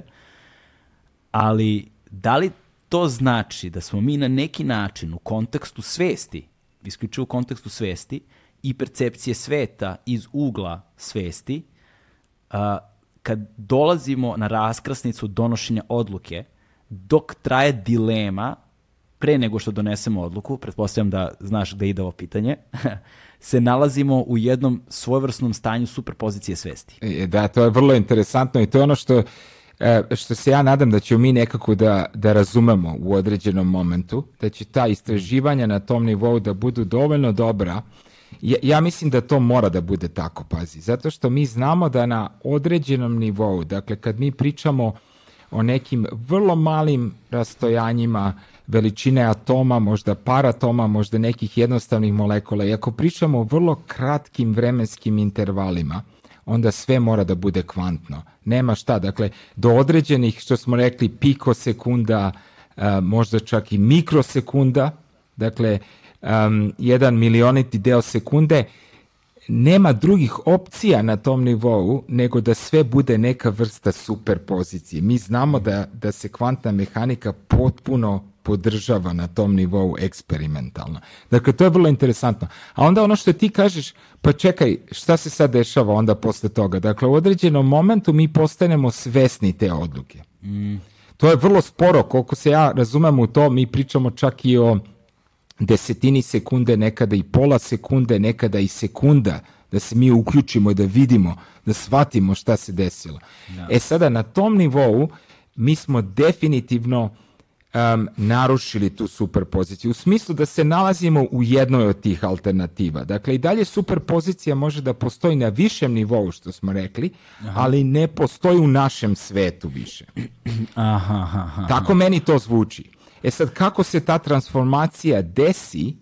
I kada? I kada, tačno, to meni zvuči vrlo vezano za, za taj pojam kvantnog merenja. Dakle, kada se to kvantno merenje završava i kada taj rezultat može da se zove klasični rezultat, klasično merenje, je tako? Dakle, to je baš kako smo i krenuli. Da li postoji ta neka granica između kvantne i klasične? Kako se to odigrava? Ja mislim da to niko još uvijek ne razume stvarno.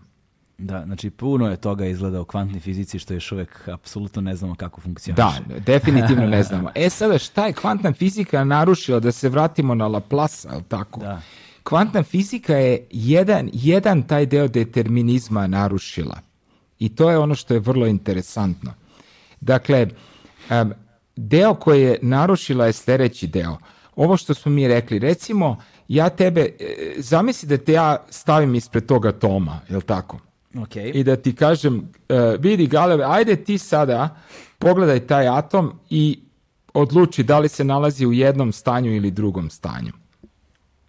Ako bi ja se tebe pitao, ajde, jel bi volio da se kladiš koje ćeš stanje da vidiš, nulu ili jedinicu, onda ti kvantna fizika kaže da je to potpuno neodređeno. Dakle, ti, ako si u tom stanju pola-pola, pola nula, a pola jedinica, ti bukvalno imaš jednake šanse da, da, da tvoje posmatranje dovodi do nule i da dovodi do jedinice. Dakle, ne, nemaš nikakvu ideju da li će mhm. to da bude nula ili, ili jedinica. I kvantna fizika nam govori da fundamentalno to mora da bude tako. Dakle, ne postoje, ne nikakve veličine u kosmosu koje određuju da li ćeš ti da vidiš nulu ili jedinicu. Što je vrlo interesantno. Dakle, čak i mhm. najjednostavniji kvantni eksperiment. Napravili smo superpoziciju jednog jedinog kvantnog bita – to je najjednostavniji eksperiment koji možda izvedeš u kvantnoj fizici. Čak i taj eksperiment je dovoljno neodređen, tako, da. ti u stvari ne možeš da kažeš da li ćeš da vidiš nulu ili jedinicu. Jer onda, jer onda uvodimo opet jedan element svesti u sve to. Svest je tu, čini mi se, veliki činilac. Um, odnosno želja u tom kontekstu. jer da li je želja onda stvar slobode ili pitanje determinizma. Da li ono što želimo nam je predodređeno da želimo, misleći da. je slobodna volja, ili je zapravo slobodna volja, a rezultat ostvarivanja želje slučajnost? E, znači, e, znaš, kao nalazimo se... Da, vrlo je, vrlo je duboko pitanje, da. I ja mislim da, da mi nemamo nikakav odgovor stvarno na to. I, i vrlo je interesantno da čak i i obe opcije koje mi možemo tu da uzmemo, dakle potpuni determinizam i potpuni nedeterminizam, oni nama nekako zvuče čudno obe opcije, jel tako? Zato što i u jednoj opciji i u drugoj opciji nekako ne postojimo mi. Nismo mi ti koji smo odlučili, jel tako? Ako je to slučajno, to znači da je kvantni neki element odlučio, A ako, ako nije slučajno, to znači da stvarno mi, mi nismo nikako to odlučili. Ima, dakle- ima ta divna, divna o Artura Clarka, ovaj, kada kaže, kad, kaže o kontaktu tre, bliskom kontaktu treće vrste, ovaj, pa kaže a, nekada pomislim da nismo sami u univerzumu, nekada pomislim da jesmo sami u univerzumu. Bez obzira šta god da je tačno ta dva, obi ideje su fascinantne. Tako je, da, ja, ja isto mislim da smo u tom položaju, bukvalno. Da, um, obe, su, krajnje vrednosti na neki način. Jeste, obe su krajnje, dva ekstrema i mm. onda je pitanje, naravno, i postoje razne teorije, da li tu postoji nešto između tih ekstrema? Da li ti ekstremi mogu da se kombinuju nekako da malo imamo determinizma? Jer mi znamo naravno da, da postoji determinizam u mnogim stvarima kojima se mi bavimo. Ti jednostavni eksperimenti stvarno mogu da se izvedu recimo sa tim skoro 100% verovatnoćama, ali tako? Dakle, sad je to pitanje. Kako je to potpuno deterministički, a zašto ovi drugi eksperimenti su potpuno slučajni, je tako? Da, da, da, da. E, sada, ono što je tu također zanimljivo, da se krećemo malo kroz ovaj, tvoju knjigu, a to je sada pitanje, hajde kažemo, pretpostavljene stvarnosti unutar koje se kreira, uh, dakle, dakle um, ah, kako bih sad to naveo, ti, ti, ti si to mnogo bolje naveo, sam ja zaboravio. Vol, ja volim Itala Kalvina. E, i, i, da, da, I čitao sam njegove e, kosmikomike, o, kosmikomike Uh, to nam je čak i na fakultetu bilo ovaj, svoje vremeno. Da. Smo radili, radili, kad smo radili postmodernizam, da. jel te? Ovaj, ali bih volio da ti zapravo ispričaš, jer ti imaš taj koncept, taj in media res, jel te? Dakle, ono, da, da se nešto pojavljuje u sred nekakve radnje, nekakav uh, određeni kontekst koji je već postojao. Jeste. E, šta je interesantno tu da sam ja opisao, kao vino je mene fascinirao, ja mislim, sa nekim svojim pričama, ali tako? On je malo kao mm. neka moderna vrsta Borgesa pa jeste, to je post, postmoderni pisac, ono, baš je, klasičan predstavnik postmodernizma. Da. Jeste, baš I, tako. I to, su te teorije mogućih svetova koje, koje on dakle, dakle, kreira. Tako je.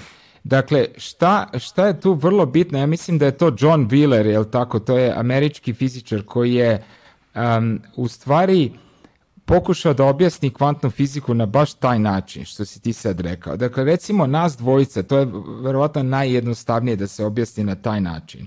Kalvino je imao malo komplikovanije malo komplikovaniju priču od toga, ali se mhm. svodi na, na, na, na ovaj e, princip. Dakle, ti ja igramo igru da ti zamisliš neki objekat. Možda bude bilo šta.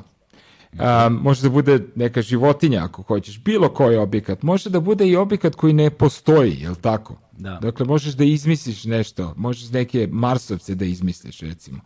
E sada, šta je pitanje da ja moram da te pitam, dakle tu, tu sad ulazi informacija direktno, ja mogu da te pitam samo da ne pitanja, dakle pitanja na koje odgovaraš ili da ili ne, Okay. I pitanje je koliko pitanja ja moram da te pitam da bi ja na kraju uspeo tačno da znam šta si ti zamislio.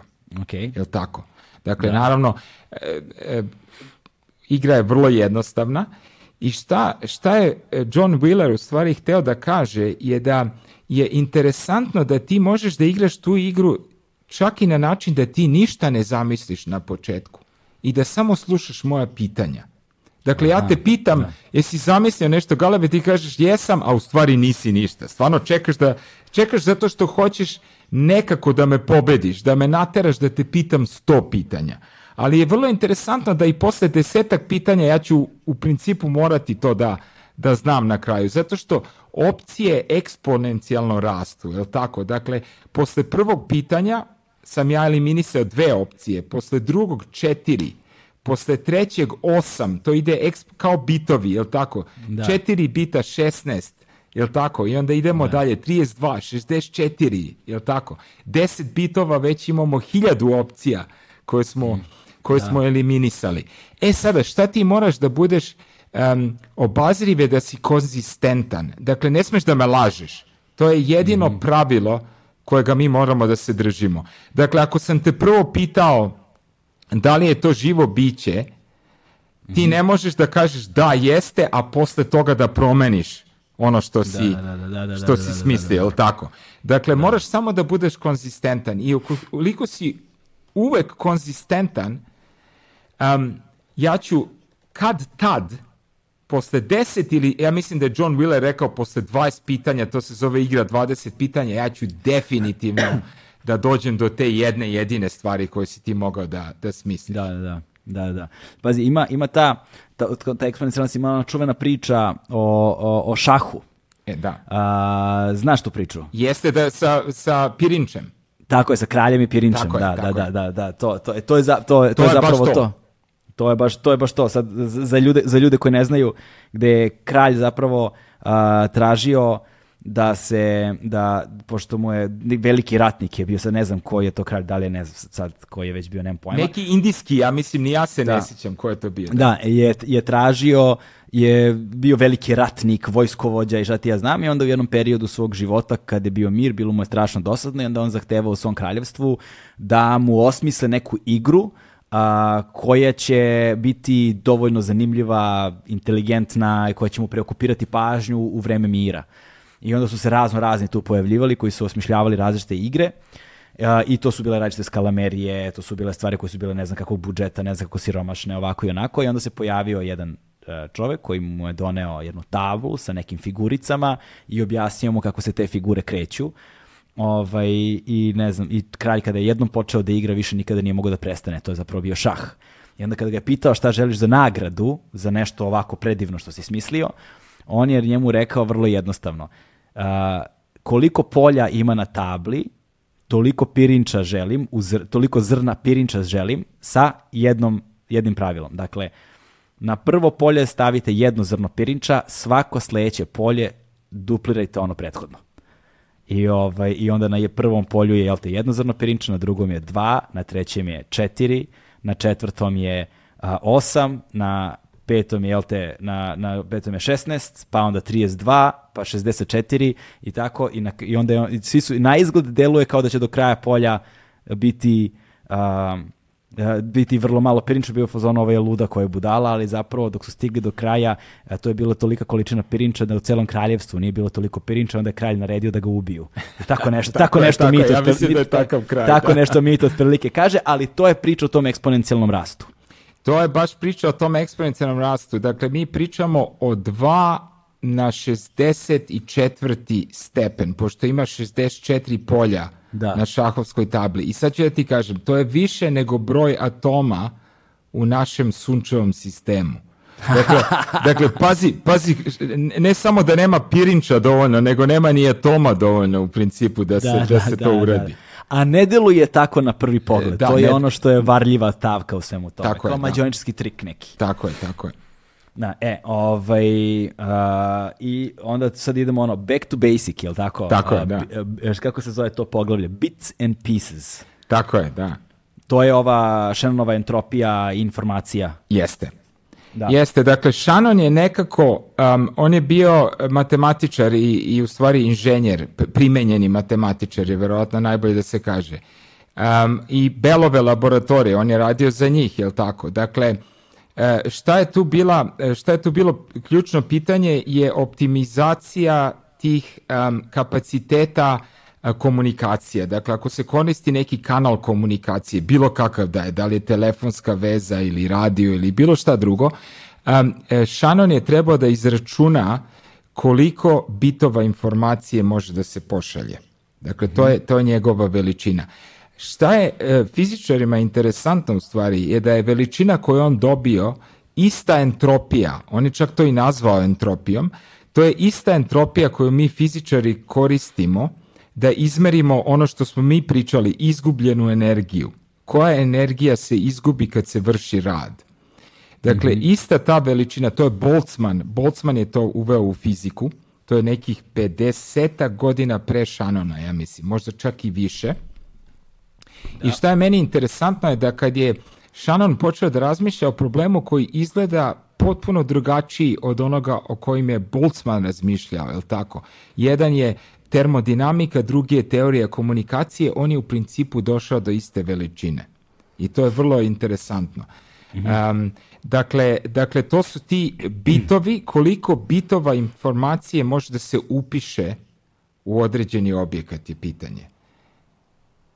Da. I ista se entropija koristi. To je vrlo interesantno. To je uvek fascinirajuće za, za fizičara, naravno, zato što je pitanje se odmah postavlja da li te dve veličine znače jednu istu stvar, je tako? Da li, da li je to slučajnost da su one iste matematički ili postoji neka dublja veza između termodinamike i informacije i u stvari ja mislim da je odgovor da postoji dublja veza, da je to cela poenta da se termodinamika zasniva na teoriji informacije u stvari. Ali? da, ali kvantne, ne klasične. Ja mislim da je to ono što smo krenuli da pričamo, da nekako šta je bitno e, za tu informaciju je da postoji neki, neki element iznenađenja. Mhm. Tako je to Shannon gledao. Dakle, kad ti e, e, se baviš nekim eksperimentom, mora da postoji neko iznenađenje na kraju tog eksperimenta. Dakle, ti kad vidiš um, određeni, određeno merenje, a ne neko drugo merenje, to mora bar u neku meru da te iznenadi, do, do neke mere da te iznenadi, da ne bude deterministički, stoprocentno. Recimo kao da se probudimo sutra, vidimo sunce, nismo se iznenadili, jel tako? Dakle, to, mhm.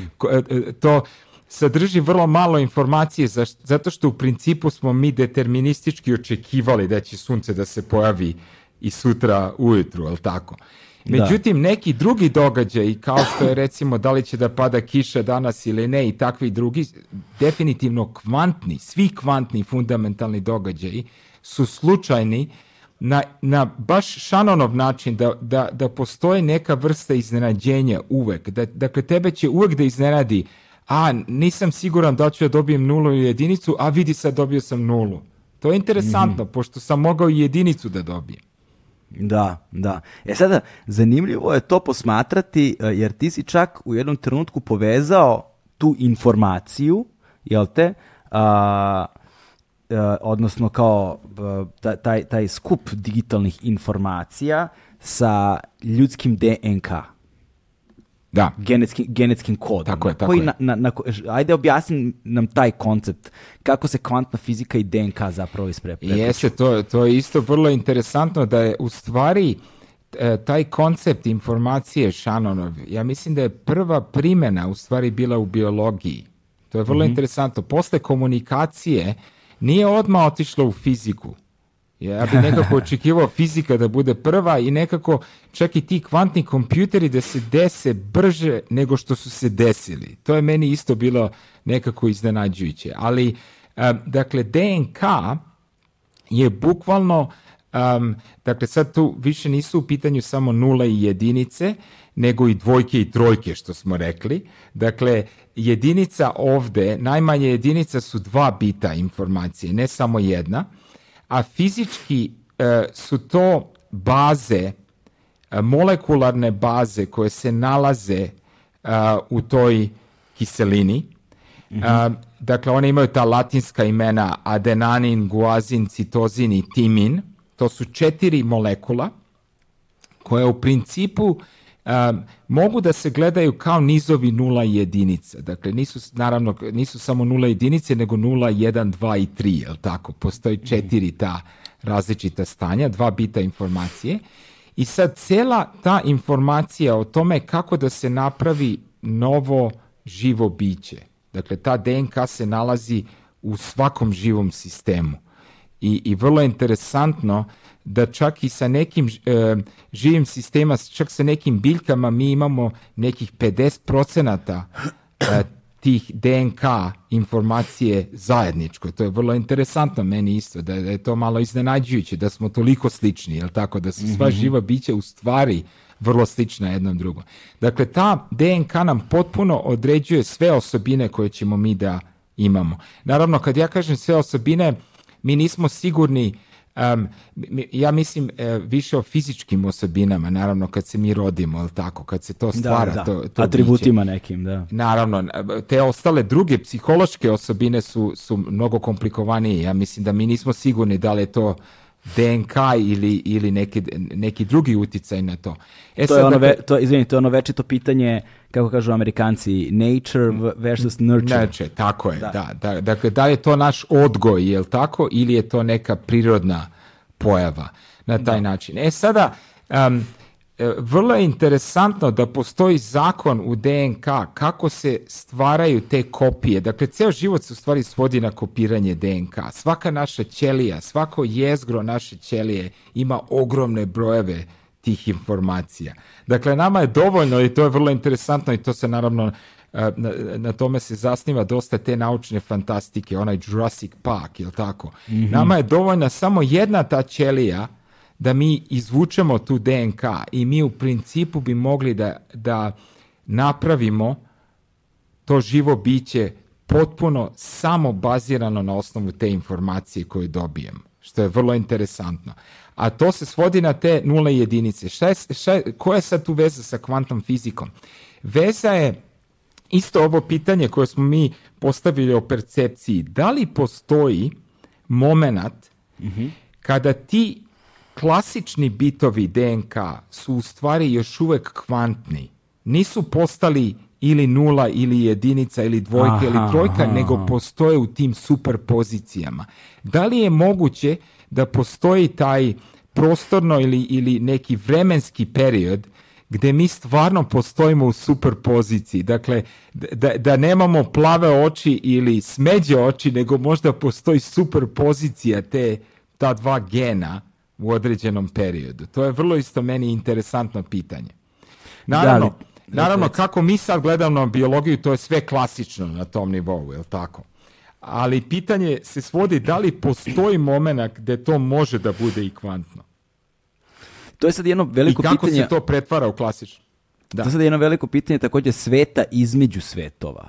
Na, neki na, na neki način. Znači, ukoliko bi postojala takva jedna pozicija, sad pretpostavljamo. Znači, ukoliko bi postojala jedna takva pozicija kvantna pre pre, pre, determinizma, jel te, koji sledi nakon pod znacima navoda donošenja odluke. E sad, pitanje šta bi bila odluka, a šta bi bila slučajnost u tom, u, tom, u tom slučaju, tako jer posle ne bi to baš bila svesna odluka, ukoliko govorimo o genetskom zapisu koji se nalazi u superpoziciji pre nego što postane ono što znamo kao genetski zapis.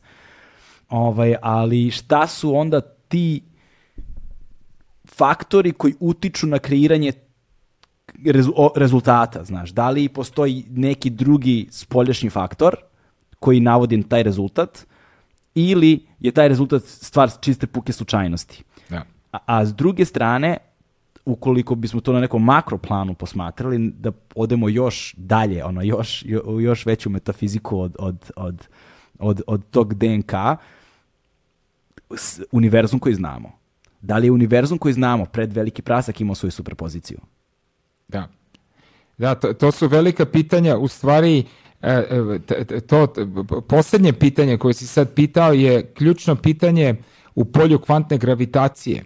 Zato što se mi uvek pitamo da li postoji E, domen gdje su efekti i kvantni i gravitacioni bitni. Jer, pazi, gravitacija nekako nam odlučuje o tom makrosvetu, je tako? Dakle, mi mhm. pričamo o formiranju solarnog sistema i takvim nekim kosmičkim događajima. Da, kako, kako kaže, ja, bi, ja bih rekao ono da je gravitacija ono... gravitacija ono čale svih zakona. e, tako je, tako je nešto, pa tako je i krenulo preko da, Newtona, ali tako. E sada, pitanje je da li postoji, jer kao što smo rekli, ako su neki objekti stvarno suviše veliki, da su oni značajno, značajni gravitacijano, onda je verovatno kvantna fizika tu će da igra vrlo malu ulogu zbog tih kolapsa, ali tako? Da. Dakle, dakle, mi moramo da nađemo neki domen gde obe te sile moraju da budu nekako jednake i ja mislim u tom velikom prasku postoje razne spekulacije da je, da je to u stvari kvantni događaj da je tu kvantna gravitacija ključna. Što je vrlo interesantno. I šta je sljedeće pitanje, naravno, i, i dosta mojih kolega i veruje u tu sliku kosmosa, je da li ti paralelni svetovi su postojali od početka onda? Da li to znači da naš univerzum nije univerzum, nego multi, multiverzum, ili tako, kako da se zove, mnogo da. kosmosa da, u isto koristimo mi ovdje taj termin isto, multiverzum se multiverzum, to je, da. Mu, multiverse, jel to? Je to. E sada, multiverzum, koliko sam primetio, postaje polako, ali sigurno dominantan princip. Ali, ono odnosno, dominantna ideja, hipoteza. Dominantna hipoteza. E sada, fore u tome na osnovu čega multiverzum postaje dominantna hipoteza kao šta je bilo to što je prevagnulo da se sada toliko govori o tome? Mislim, kad kažem sada, to je posljednjih deseta godina. I to je više. odlično pitanje, da, ja se slažem. E, pa, ja mislim da jedan, e, jedan događaj, naravno, e, verovatno najključ, ključni nekako razvoj su bili ti eksperimenti, jel tako? Da su nekako čak i ako se vratimo nekih 30 godina, kad sam ja krenuo se bavim istraživanjem, postojalo je dosta fizičara koji bi se kladili recimo da neke superpozicije nikad neće biti moguće. Mhm. I, I, dakle, dakle, verovatno najveća ironija je moj kolega uh, Tony Leggett, Anthony Leggett, to je engleski fizičar, on žive u Americi, radi u Americi, on je dobio isto Nobelovu nagradu, što je vrlo interesantno. na, na tim to je fizika tih hladnih stanja, atomi na tim vrlo niskim temperaturama. Međutim, on se kladio, ja mislim, ne znam kad, 90-ih negde se kladio da ti superprovodnici neće moći da budu kvantni bitovi. Oni nikad neće moći da budu u superpoziciji nula jedinica. I ja mislim da nekih 3-4 godine posle toga, kad se on kladio i u principu prvi eksperiment izveden, gdje je napravljena ta superpozicija. I ne samo to. kad, se, kad se kladio, kad je prvi eksperiment izveden? Ja mislim da je prvi bio 99. A ovdje on ovaj neki 95. recimo okay. pričao, to nikad neće da se desi. E što je vrlo interesantno, dakle iznenadi nas taj progres tehnologije. E, da. E sad šta je još interesantnije meni, dakle tu se nalazi ta najveća ironija. E, dominantna tehnologija u industriji su sada ti superprovodnici. Dakle, na, na superprovodnicima se bazira 90% kvantnih bitova. Google, Microsoft, svi ove kompanije koriste mhm. bukvalno te vrste superpozicije. Dakle, e, ne samo da je napravio grešku, nego je napravio ogromnu grešku e, tom da. procenom da nikad to neće da se desi. Vrlo interesantno. A, šta bi pretpostavila u tom slučaju kvantna gravitacija? Dakle, e, jer mi znamo gravitaciju ovakvo kakvom je znamo, ali šta bi bila šta bi bilo pretpostavljeno kvantno gravitacijno stanje pre nego što gravitacija postane ovo što jeste? Šta su druge opcije za gravitaciju? O, da, to je, to je isto odlično pitanje i, i to su sada e, vrlo oštre debate e, mhm. na tim konferencijama, kako to u stvari sad da se i osmisli. Dakle, moram možda malo da kažem o toj Einsteinovoj gravitaciji, kako, kako je on gledao na gravitaciju i to je vrlo interesantno, dakle njegova teorija je potpuno drugačija od Newtonove, to je sve krenulo sa Newtonom, jel tako, i dakle to je vrlo jednostavna e, gravitacija, naša filozofija oko toga je jednostavna. Međutim, sa Einsteinom je on skoro to potpuno okrenuo na opačke. Dakle, Einstein je nekako rekao ne postoji gravitacija, on je nekako eliminisao gravitaciju. Po Einsteinu gravitacija nije sila, nego se sve to svodi na prostor i na vreme. Dakle, on bi rekao prostor i vreme su ujedinjeni, to mi treba da mhm. gledamo zajedno, da nije samo da mi vidimo ili prostor ili merimo vreme, nego se oni kombinuju nekako u jednu, u jedno tu prostor i vreme, u jedan univerzum, jel tako? I cela gravitacija se svodi na, na to kako se ponaša prostor i vreme. Da, da. I to je vrlo interesantno, jel tako? Mhm. Dakle, dakle, dakle, dakle, gravitacija kombinacija prostora i vremena. Gravitacija kombinacija. I kako, šta sad znači da, da recimo ti osjećaš jaču gravitaciju od mene? li tako? Recimo da se ti nalaziš e, bliže e, nekoj crnoj rupi ili nekoj planeti. To kao što smo gledali u, u ovom filmu Interstellar, da, tako? Da, da. I, ja mislim da je to najbolji primjer u stvari. Šta nama kaže Einstein? Einstein kaže to ti se sve svodi na protok vremena, koliko ti brzo protiče vreme. Dakle, on je potpuno eliminisao gravitaciju i cela gravit sila se svodi u ovom slučaju na protok vremena. Da. Ili na razdaljine u prostoru, ali kad pričamo recimo o tim crnim rupama, dovoljno je da se gleda prostor vremena. I kao što znamo tamo, taj um, astronaut koji, je, koji, koji se nalazio na, na crnoj rupi nekako, Dakle, na obodu crne rupe. E, tako je nešto bilo. da, naravno, to je naučna fantastika. To vjerojatno ne bi moglo tako, ali recimo da je tako. Pokušavali su da vide Event Horizon. Event Horizon. Bukvalno je došao na event, na granicu crne rupe u principu, koliko se ja sećam, njemu je nešto dva sata prošlo, tako, on je nekih dva sata proveo na toj nešto crnoj tipa, Ne, nešto tipa, ne, proveli su na nekoj planeti. Možda malo e, više, ne Na, na planeti su nekoj proveli, mislim, sat vremena. Tako A, a, ovaj, a u stvarnosti je prošlo 20 godina, tako, tako je, nešto e, ali... da je njegova čerka postala čak starija od njega na kraju, jel e, tako ne, to je, da, to je kada su prolazili Event Horizon, da, ali, on je, ali on je zapravo upao u Event Horizon i onda su došli kao u četvrtu dimenziju, to je sada druga priča. Ali ima jedna zanimljiva stavka nikakva sa tim filmom. Zapamti, upamti da si stao. kada su na toj Manovoj, ili na kojoj to već, ne, nije mano nego kad su na onoj vodenoj planeti. E, to, Kad su na, kad su na vodenoj planeti, čuje se jedna, ima, muzika se čuje u pozadini i ta muzika ima ritam koji pulsira. Da. Ovaj, a, a, pulsiranje tog ritma je zapravo E, svaki puls je jedna godina koja prođe na zemlji. A, vrlo interesantno, to da, nisam da, znao. Da, da, da, i onda se čuje, ja mislim tako, 23 pulsa, ali tako nešto u toku njihovog boravka, to su 23 godine koje su prošle. E, vrlo, tako je. skriveni detalj u filmu. Jeste, to je, vrlo, to je vrlo lepo da se tako to dokaže, zato što, e, zato što u principu kao fizičar mi tako bukvalno gledamo na to, dakle, jedna osoba koja se nalazi u jednom gravitacijenom polju bi slala signale toj drugoj e, toj drugoj osobi u drugom. Recimo, ajde, ajde napravimo nešto što je, što je potpuno moguće. Ti se nalaziš gde se nalaziš, a ja sam e, na nekom satelitu, je tako? Malo više ja tamo ja, ja, sam, ja, sam u Beogradu. A ti sediš u Beogradu. I sad ti meni šalješ svakog sekunda, ti gledaš na svoj sat, mhm. svakog sekunda ti meni šalješ neku poruku. Bukvalno kao što si rekao, što je ovaj slušao na toj planeti, jel tako? Da, da. E sada, dakle, ta poruka, ja mogu da gledam koliko meni to stiže i da. šta ću ja da dobijem od tih signala je da tebi vreme teče brže nego meni. To je mhm. cela poenta, da ja sam na manjem gravitacijonom polju, ti osjećaš jaču gravitaciju, ali Einstein kaže to nije ništa drugo nego protok vremena tebi u Beogradu vreme teče brže. Dakle, ako bi ja mogao gore da ostanem dugo, pazi, razlika je vrlo mala, zato što mi pričamo o vrlo slabim gravitacijenim poljima u odnosu na crnu rupu.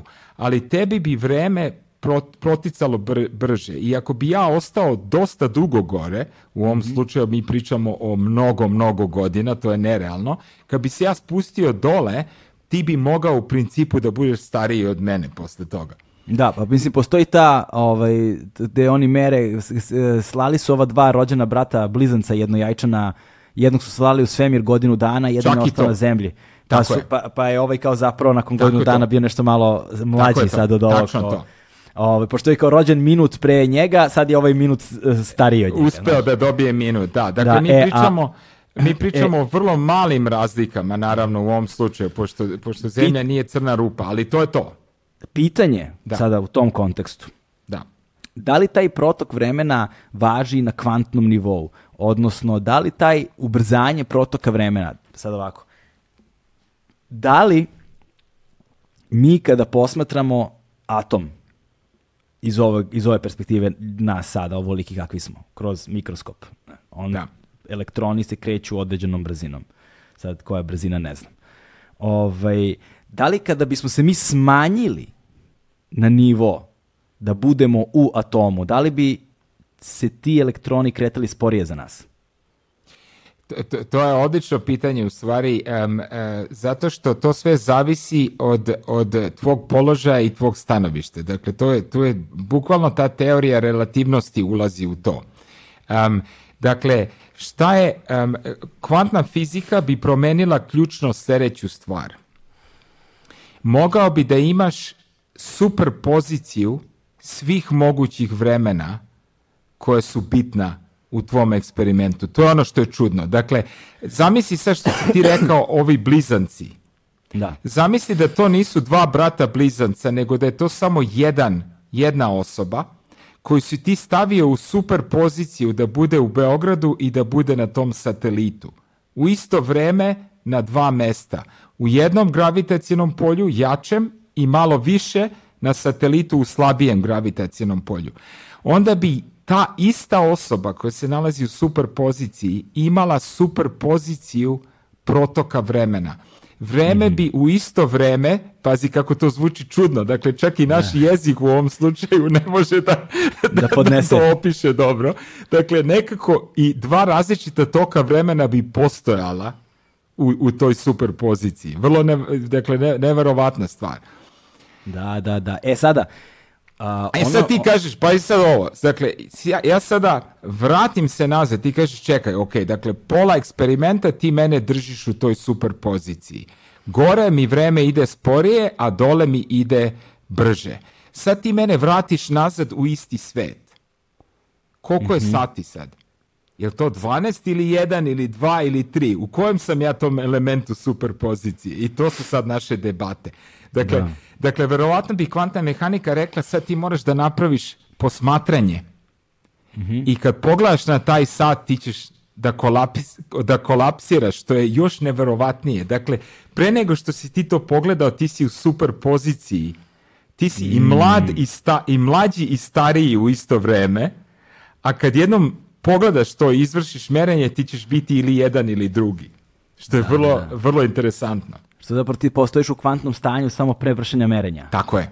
Tako I ti zapravo održavaš kvantno stanje sve dok se merenje ne izvrši. Tako je. ali sa druge strane, ovaj, da li postoji jasno utvrđena pravilnost uh, odnosa to uh, boravka u određenom stanju koliko bi vremena prošlo?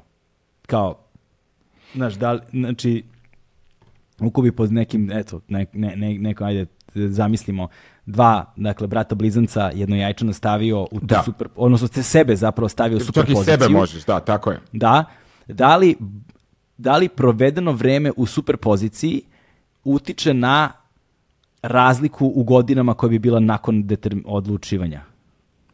Da, dakle, to, to sve zavisi od toga koliko dugo možeš da održavaš tu superpoziciju. ja mislim da je to ono što nam otežava ovaj eksperiment. Jer, jer ako uzmeš komplikovan, kompleksni sistem, kao što je ljudsko biće, onda je vrlo teško zamisliti da to dovoljno dugo može da se drži u toj superpoziciji, poziciji, tako, da se vide neki efekti. Dakle, opet je to Schrödingerov uh, misalni eksperiment. Opet se vraćamo na, istu, na isti taj sličan koliko eksperiment. Je, koliko je najduže držan elektron u superpoziciji? A što se tiče elektrona tih kvantnih bitova, to može skoro večno da se uradi. Ja mislim da, da u tim kvantnim bitovima, recimo, ako pobudiš taj jedan elektron, to može godinama da traje. To može tako lepo da se izoluje, da može ta superpozicija da se drži godinama. Ja sad razmišljam još nešto za ovaj, za, za ovaj grant što dobijate za e, da, da, da, bakterije ili što je stavite. Tako je. možda bi zanimljiva bila ona, kako zove, tardigrada. E, to! To smo uradili... A njubaš, a? Ne, e, to smo radili nešto slično, pazi, nije, uradili smo pola tog eksperimenta. Aha. U smislu, tardigrada je odlična zato što, zato što naravno može da, da izdrži na vrlo ekstremnim tim niskim pa, temperaturama. i, niskim i visokim i vakum. E, to, to. Ja sam sad objavio rad, pazi, pre par nedelja. Ja mislim da, da, da sad tu postoje velike debate na, na Twitteru i sve ostale gluposti oko toga šta je tu sad stvarno izvedeno, ali mi nismo napravili, nije to bio baš Schrödingerov eksperiment. Dakle, šta smo mi uradili je mi smo napravili interakciju između tog superprovodnika, kvantnog bita koji se bazira na superprovodniku i stavili smo tu tardigradu mm unutar tog superprovodnika.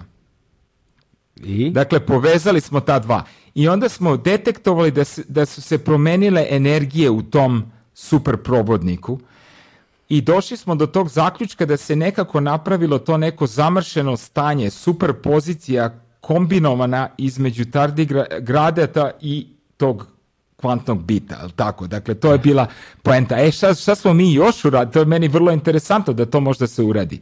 Dakle, naravno, pazi, to je bilo na toliko niskim um, temperaturama da je u principu da je u principu ta tardigrada bila neka vrsta um, hibernacije, tako? Dakle, to je bilo u tom stanju gde, gde u principu nije živo nekako. Nije ni mrtvo, naravno, pošto smo mogli da ga oživimo posle e, eksperimenta. E pa da, to sam htio da pitam, šta se desilo sa jednom tardigradom na kraju? jeste, na kraju je Dakle, šta je interesantno biolozima u stvari bilo? Dakle, nas je to zanimalo čisto zbog kvantne fizike. Da li stvarno živi sistem može da bude u takvim zamršenim stanjima? Ali, biologe je stvarno fasciniralo da, da su to toliko niske temperature, da oni to nikad nisu u stvari testirali eksperimentalno. Mm. I vrlo je interesantno da su preživali i niske temperature i niske pritiske. Wow, da. Kako je to nizak pritisak? To je nisko, to je nekih opet milion puta manje nego atmosferski pritisak na atmosferi. Wow. dakle, to je toliko redko da, da ga jedva udara jedan ili dva atoma za vreme tih eksperimenata. Dakle, Čekaj, ali, ali šta se dešava na tako niskom pritisku e, živom organizmu. E, da, to je pitanje. Ja mislim da, e, da tardigrada ispaci svu vodu, je tako? Pošto bi se to prvo smrzlo i tu bi bio problem sa tim. Da. Um, Dakle, e, a šta se ostalo dešava? Meni izgleda da su sve te životne funkcije u stvari potpuno isključene na tom nivou. Mm. Dakle, bukvalno je kao da, da, da, je mrtva tardigrada i šta je vrlo interesantno je da kad ga staviš nazad u, u, u vodu, on oživi u stvari posle toga. Dakle, dakle, očigledno je da može da se vrati u živo stanje po, posle svega toga. Kakav rezilijentan organizam, ne, Nevjerojatno a? Neverovatno, neverovatno, da. Neverovatno stvorenje, čoveče. Kako ga zovu još? Svemirski medved ili tako nešto? Ima vodeni medved, ja mislim da ga mi zovemo čak dugoživac ili tako nešto, zato što živi dugo, ali tako, ne može nikako da, da umre, da. Ove, ovaj, e, a, sada se vratimo na kvantu gravitaciju. Dakle, da. dakle Newtonova gravitacija, onda Einsteinova, Einsteinova poimanje gravitacije koja je zapravo kombinacija vremena i prostora i odnosa vremena i prostora u zavisnosti od gravitacije koja utiče, odnosno da, odnos vremena i prostora. Ovaj, e sada, kvantno stanje gravitacije pre nego što je gravitacija odlučila da bude gravitacija. da. E, izgleda stvarno da je situacija takva da, da ti e, moraš nekako da napišeš matematički tu superpoziciju svih mogućih gravitacija koje mogu da se odigraju u tom momentu. Ali šta su moguće gravitacije? To je ono što ja ne mogu da razumem. E, to je sad pitanje, naravno, zato što mi pričamo o tom e, velikom prasku koji u stvari u kome su trebali i prostor i vreme da se, da se nekako E, dakle oni prostor i vreme nisu postojali pre toga, jel tako? Dakle, taj veliki prasak nam nekako e, nam nekako govori da ukoliko se pitamo šta se desilo pre tog velikog praska, onda fizika nema odgovor na to, zato što ti u principu prvo treba da stvoriš i prostor i vreme mhm. koji se stvara u tom velikom prasku, a onda nekako kako se kosmos širi posle tog velikog praska, se stvaraju i ostale stvari, stvara se materija, je tako? Onda se dešavaju interakcije između materije i svetlosti, onda se formiraju veći objekti, je tako, komplikovaniji, e, onda se naravno formiraju i zvezde i sve ostalo i, i sistemi i, i dovodi se možda do, do ovakvog kosmosa koji mi znamo. Dakle, taj neki početak, pazi, to niko ne može da da, ni da izračuna, zato što mi čak i ne znamo kako da primenimo zakone fizike u tom prostoru i vremenu. Dakle, tu čak i ne postoje te jednačine toga. Ali jedna vrsta spekulacije bi bila da stvarno šta se kreiralo su svi mogući prostori i sva moguća vremena u neku ruku. Wow. E sad šta to znači, naravno? A da, šta, šta znači smo mi samo u jednom tom prostoru i da li, da li postoji način da se kombinuju E, ti razni prostori i vremena. Ko, e, kakav bi to eksperiment morao da bude da bi se mhm. ujedinili neki prostori i vremena? To bi bilo interesantno. Da, da, da. Ali šta znači svi mogući prostori? Sad e, to je pa fora. Koliko njih ima? Jeste. I to, to, je vrlo, to je vrlo bitno pitanje, zato što nekako čim pitaš to pitanje, ti moraš da se vežeš za neku vrstu modela, je tako, za neku vrstu teorije. Jer ti ako pitaš ti ako kažeš čekaj, e, e, ajde vidimo kvantno mehanički koliko bi mogao da imaš bitova u tom momentu. Onda mi možemo nekako to da izračunamo u zavisnosti od veličine e, tog kosmosa na početku. Međutim, ukoliko ti kažeš čekaj, ja bih volao to da objasnim i prekvantne fizike nekako. To je ono što sam ja pokušao da, da uradim u, u, u mojoj knjizi Dekodiranje stvarnosti. Da li mi možemo čak i da koristimo teoriju informacije da odemo izvan tih zakona fizike, da vidimo da li, šta je to postojalo pre zakona kvantne mehanike. To je sad pitanje veliko, naravno. I, I, mi, naravno, nemamo odgovor na to. kako to izvesti, to, to je veliko pitanje u nauci.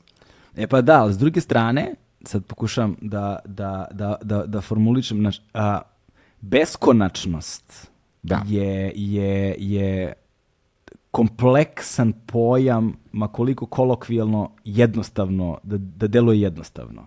Jer s jedne strane, koliko je beskonačno minus jedan? Znaš, da. dalje je beskonačno. da. koliko je beskonačno minus ne, milion? I dalje je beskonačno. Beskonačno minus bilo koji broj je i dalje beskonačno. E, naravno, u odnosu na nula i na pozitivne brojeve, tako je. Pa da, da znaš, e, a beskonačno minus beskonačno Šta je to znači? Je li dalje beskonačno? E pa tako, tako to matematičari kažu, da. E sad pazi, većina fizičara ne veruje verovatno u taj kontinuitet da su stvari beskonačne. Dakle, zato ja mislim da ta e, diskretna verzija stvarnosti je mnogo bliža našoj stvarnosti. Dakle, da mi nekako registrujemo uvek konačne bitove. Uvek mhm. je to jedan za drugim bitom kao naša digitalna tehnologija, jel tako? Nama digitalna tehnologija zvuči kao da nije digitalna, zvuči kao analogna, zato što mi mhm. toliko bitova primimo da, mi, da naša percepcija njih nekako ujedini u, jedan taj zvuk, jel tako? Ili imidž. Međutim, ja mislim da kad se spustiš na taj nivo fundamentalne stvarnosti, da to verovatno su u stvari kvantni bitovi. E sada, koje su to veličine bitovi, to je ono e, gdje mi bi voljeli da radimo neki eksperiment, ali ne znamo kako. Dakle, postoje tu razne spekulacije da kvantna mm. gravitacija dovodi do ti, to bi neke plankove veličine bile. Plankovi prostori i plankova vremena, koji su vrlo, vrlo mali. Dakle, mi pričamo 10 na minus 35 metara. Dakle, recimo, mi možemo da izmerimo 10 na minus 15. to bi bilo neko jezgro atomsko. Možda i mhm. malo manje, možda možemo 10 na minus 20 da odemo. Ali mi sad pričamo 10 na minus 35 bi morali da možemo da merimo.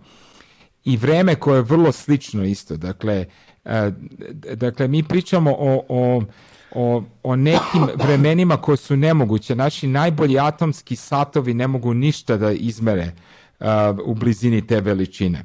E sad, da li je stvarno stvarnost diskretna na tom nivou?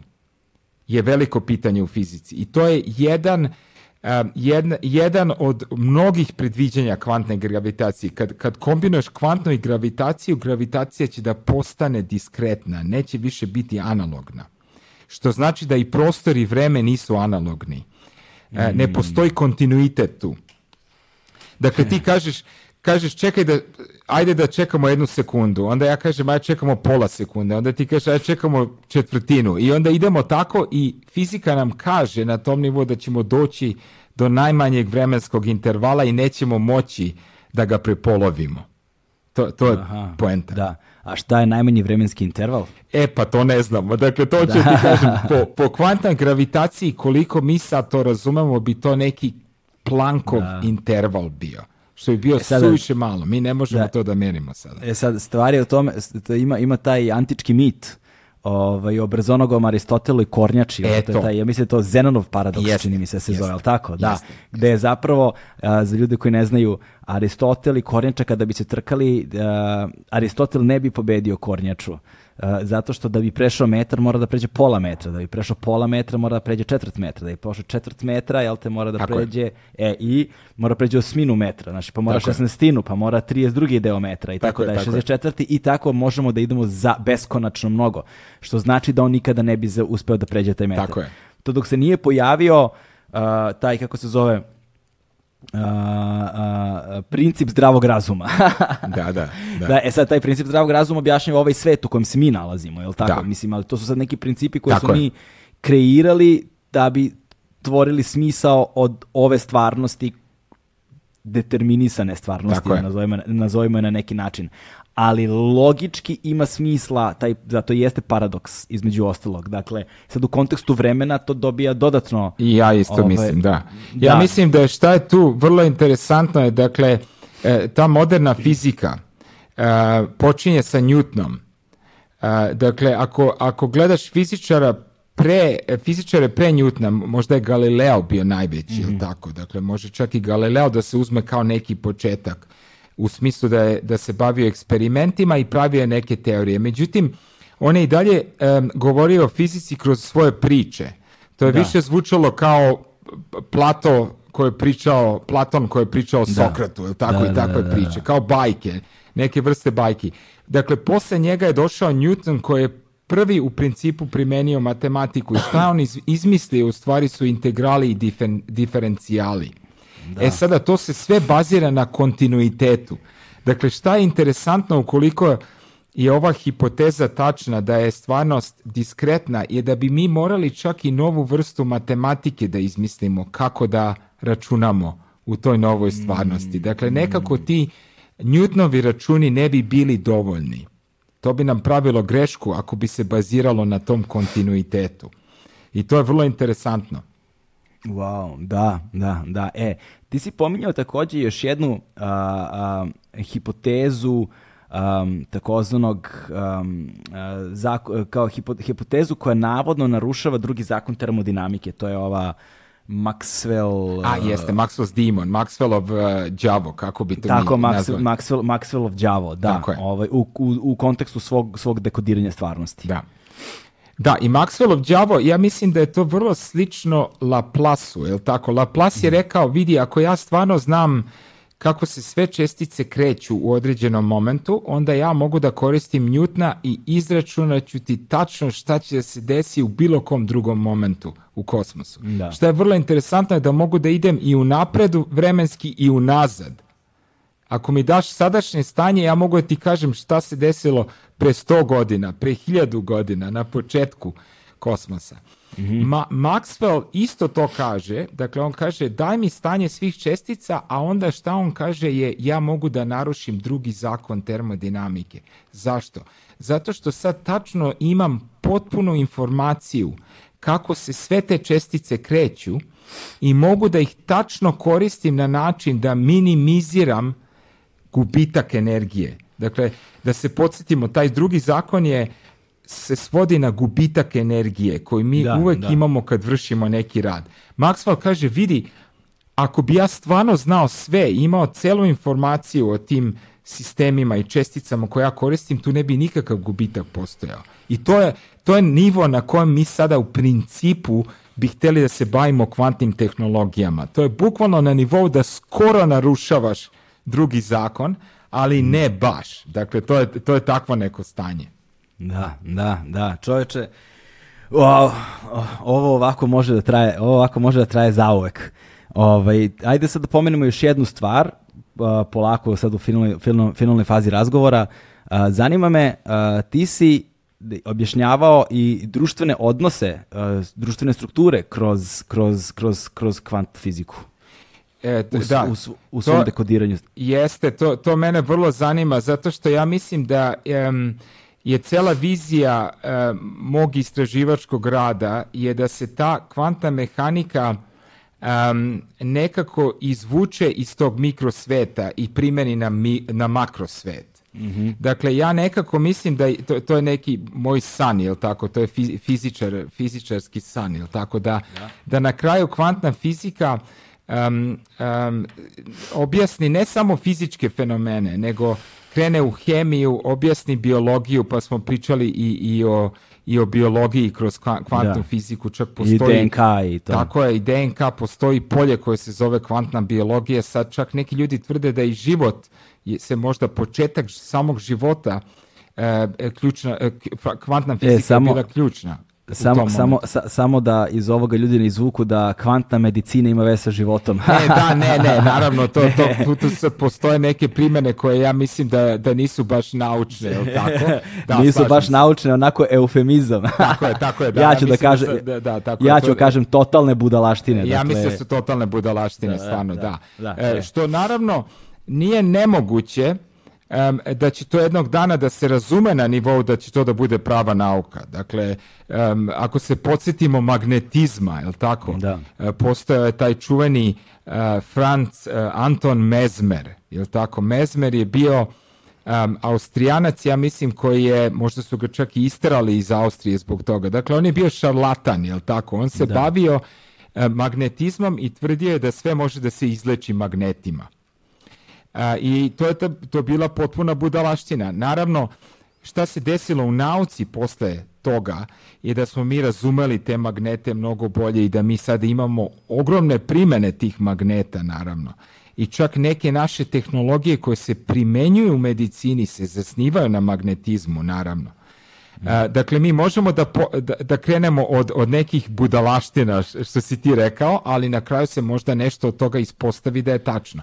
E sad, šta, je, šta, je mene, šta mene zanima je da li će to sada moći, da li će taj e, metod koji mi primenjujemo u fizici moći da pređe iz prirodnih na društvene nauke? To je ono što si ti rekao. Da li je moguće da će ne samo biologija, nego i na kraju društvene nauke, sociologija, e, e, ekonomske studije. Da li i to može da se svede na neku vrstu fizike jednog dana? I to meni zvuči interesantno.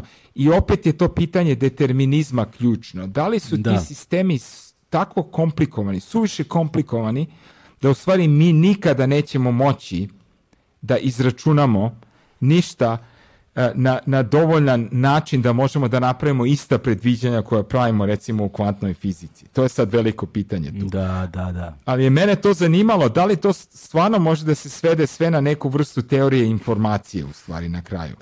Da, i, ali to sad, na, sad pretpostavka da mi možemo da odredimo socijalne odnose, socijalne strukture, društvene nauke, to bi onda značilo jednu vrstu prediktivnosti ponašanja. Da.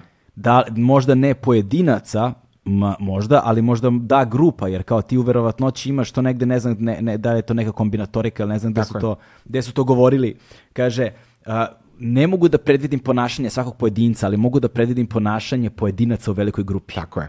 Znaš, tu je sad, postoji to, kao, znači mi možemo kad imamo recimo proteste neke na ulici, mi možemo da, da predvidimo otprilike ponašanje ono 50.000 ljudi na ulicama. Da ali ne možemo da predimo ponašanje svakog pojedinca unutar te grupe. Da. To je sad vrlo zanimljivo. Znači, to, to je odličan primjer, zato što se vraćamo tačno na termodinamiku, gdje mi ne možemo da pratimo svaki od tih atoma, ali ako ti meni daš ogroman broj atoma, ja ću tačno ti kažem šta će taj ceo gaz da radi. I to je, to je bukvalno ta analogija. Da li je moguće da ćemo društvene nauke e, jednog dana da razumemo baš na ovaj način? Da li tu postoji neki slični zakoni statistički koje mi koristimo u fizici. to je meni vrlo interesantno. Ovaj, I za kraj bih volao samo da ispričamo anegdotu jednu koja je meni fascinanta kad već govorimo o to. Sad, kvantna fizika ovdje može da bude vrlo zanimljiv fenomen. A, ti si u osnovnoj školi imao drugara ili u srednjoj školi. E, da. U, u, u osnovnoj u stvari čak i iz Ljutice Bogdana. Dakle, to je iz istog solitera čak. Iz istog solitera drugara. smo imali tako. 4-5 godina, tako nešto. Da. E, a kako se on zove? Dragan Novković. Dragan Novković. Dragan Novković i Vlatko Vedrel su bili drugari iz osnovne škole, iz iste zgrade. Ovaj, koji su se rastali 91. godine kada je Vlatko otišao za London i sreli ste se prvi put... Pa ko zna kad, 2000 i neke, pazi, ja čak i ne mogu da se setim ako bi me pitao tačno. Definitivno 10, 20, pazi, mnogo godina posle toga. Mnogo godina posle toga se sreli i ti si kvantni fizičar, a on je... On je elektroinženjer, on je završio um, elektrotehnički fakultet i šta je interesantno i to je nešto što, što, što je u stvari nas uvek zanimalo, je tako, i kao tinejdžere, je muzika da se on u stvari e, prekvalifikovao na akustiku.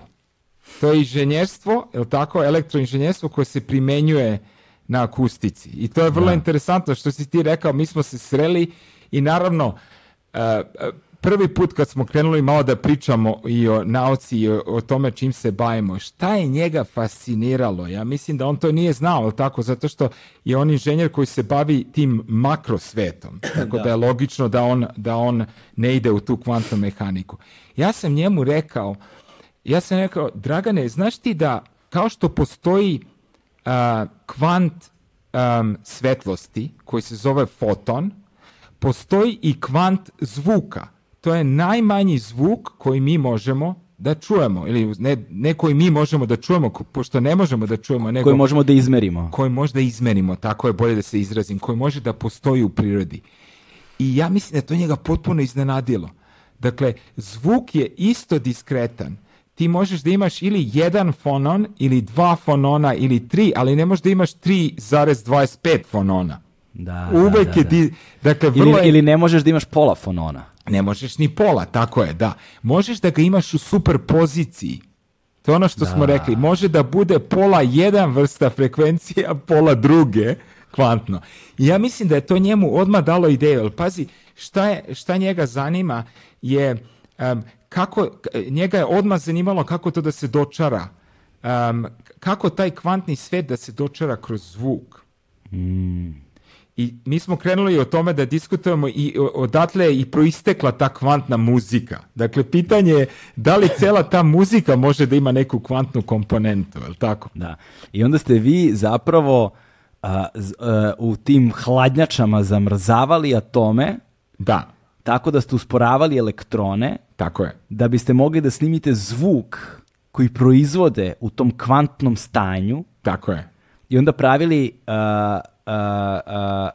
bazu tih zvukova koje ste onda povezivali sa nekim iz, iz, izmišljali ste jel te softvere i tako kojima se to povezivali za klavire koji su onda LP Duo svirali. Jeste, dakle mi smo nekako, to su neki hibridni instrumenti kako ih oni zovu, jel tako? Mi smo pokušali da kombinujemo te e, kvantne e, fonone, kvantne mm zvukove, jel tako?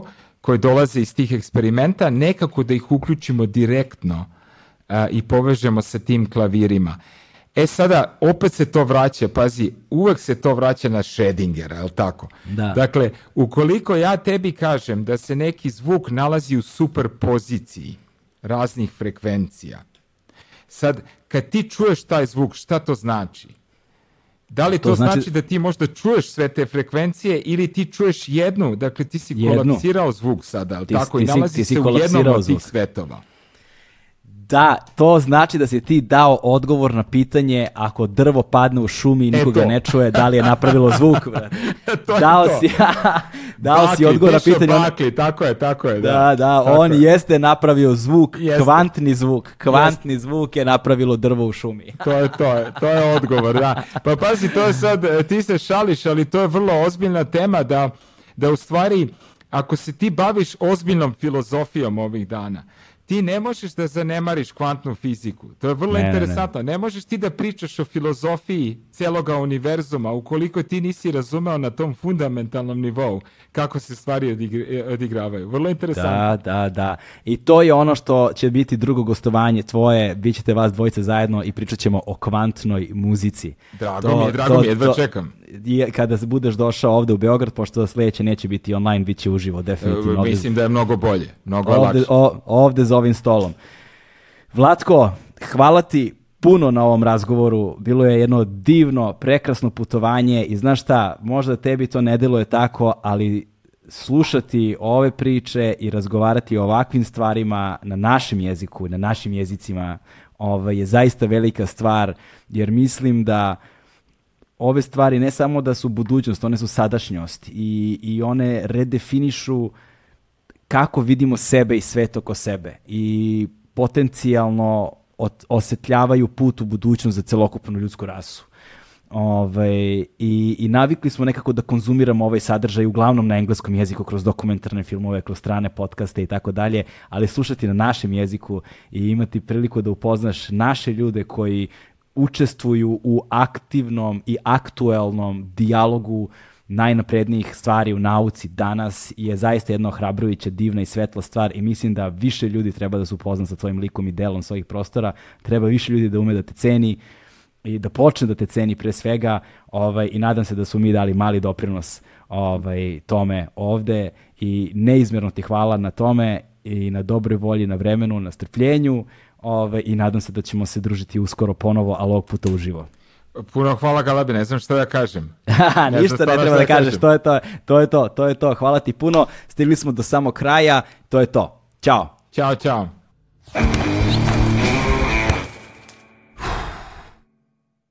Hmm.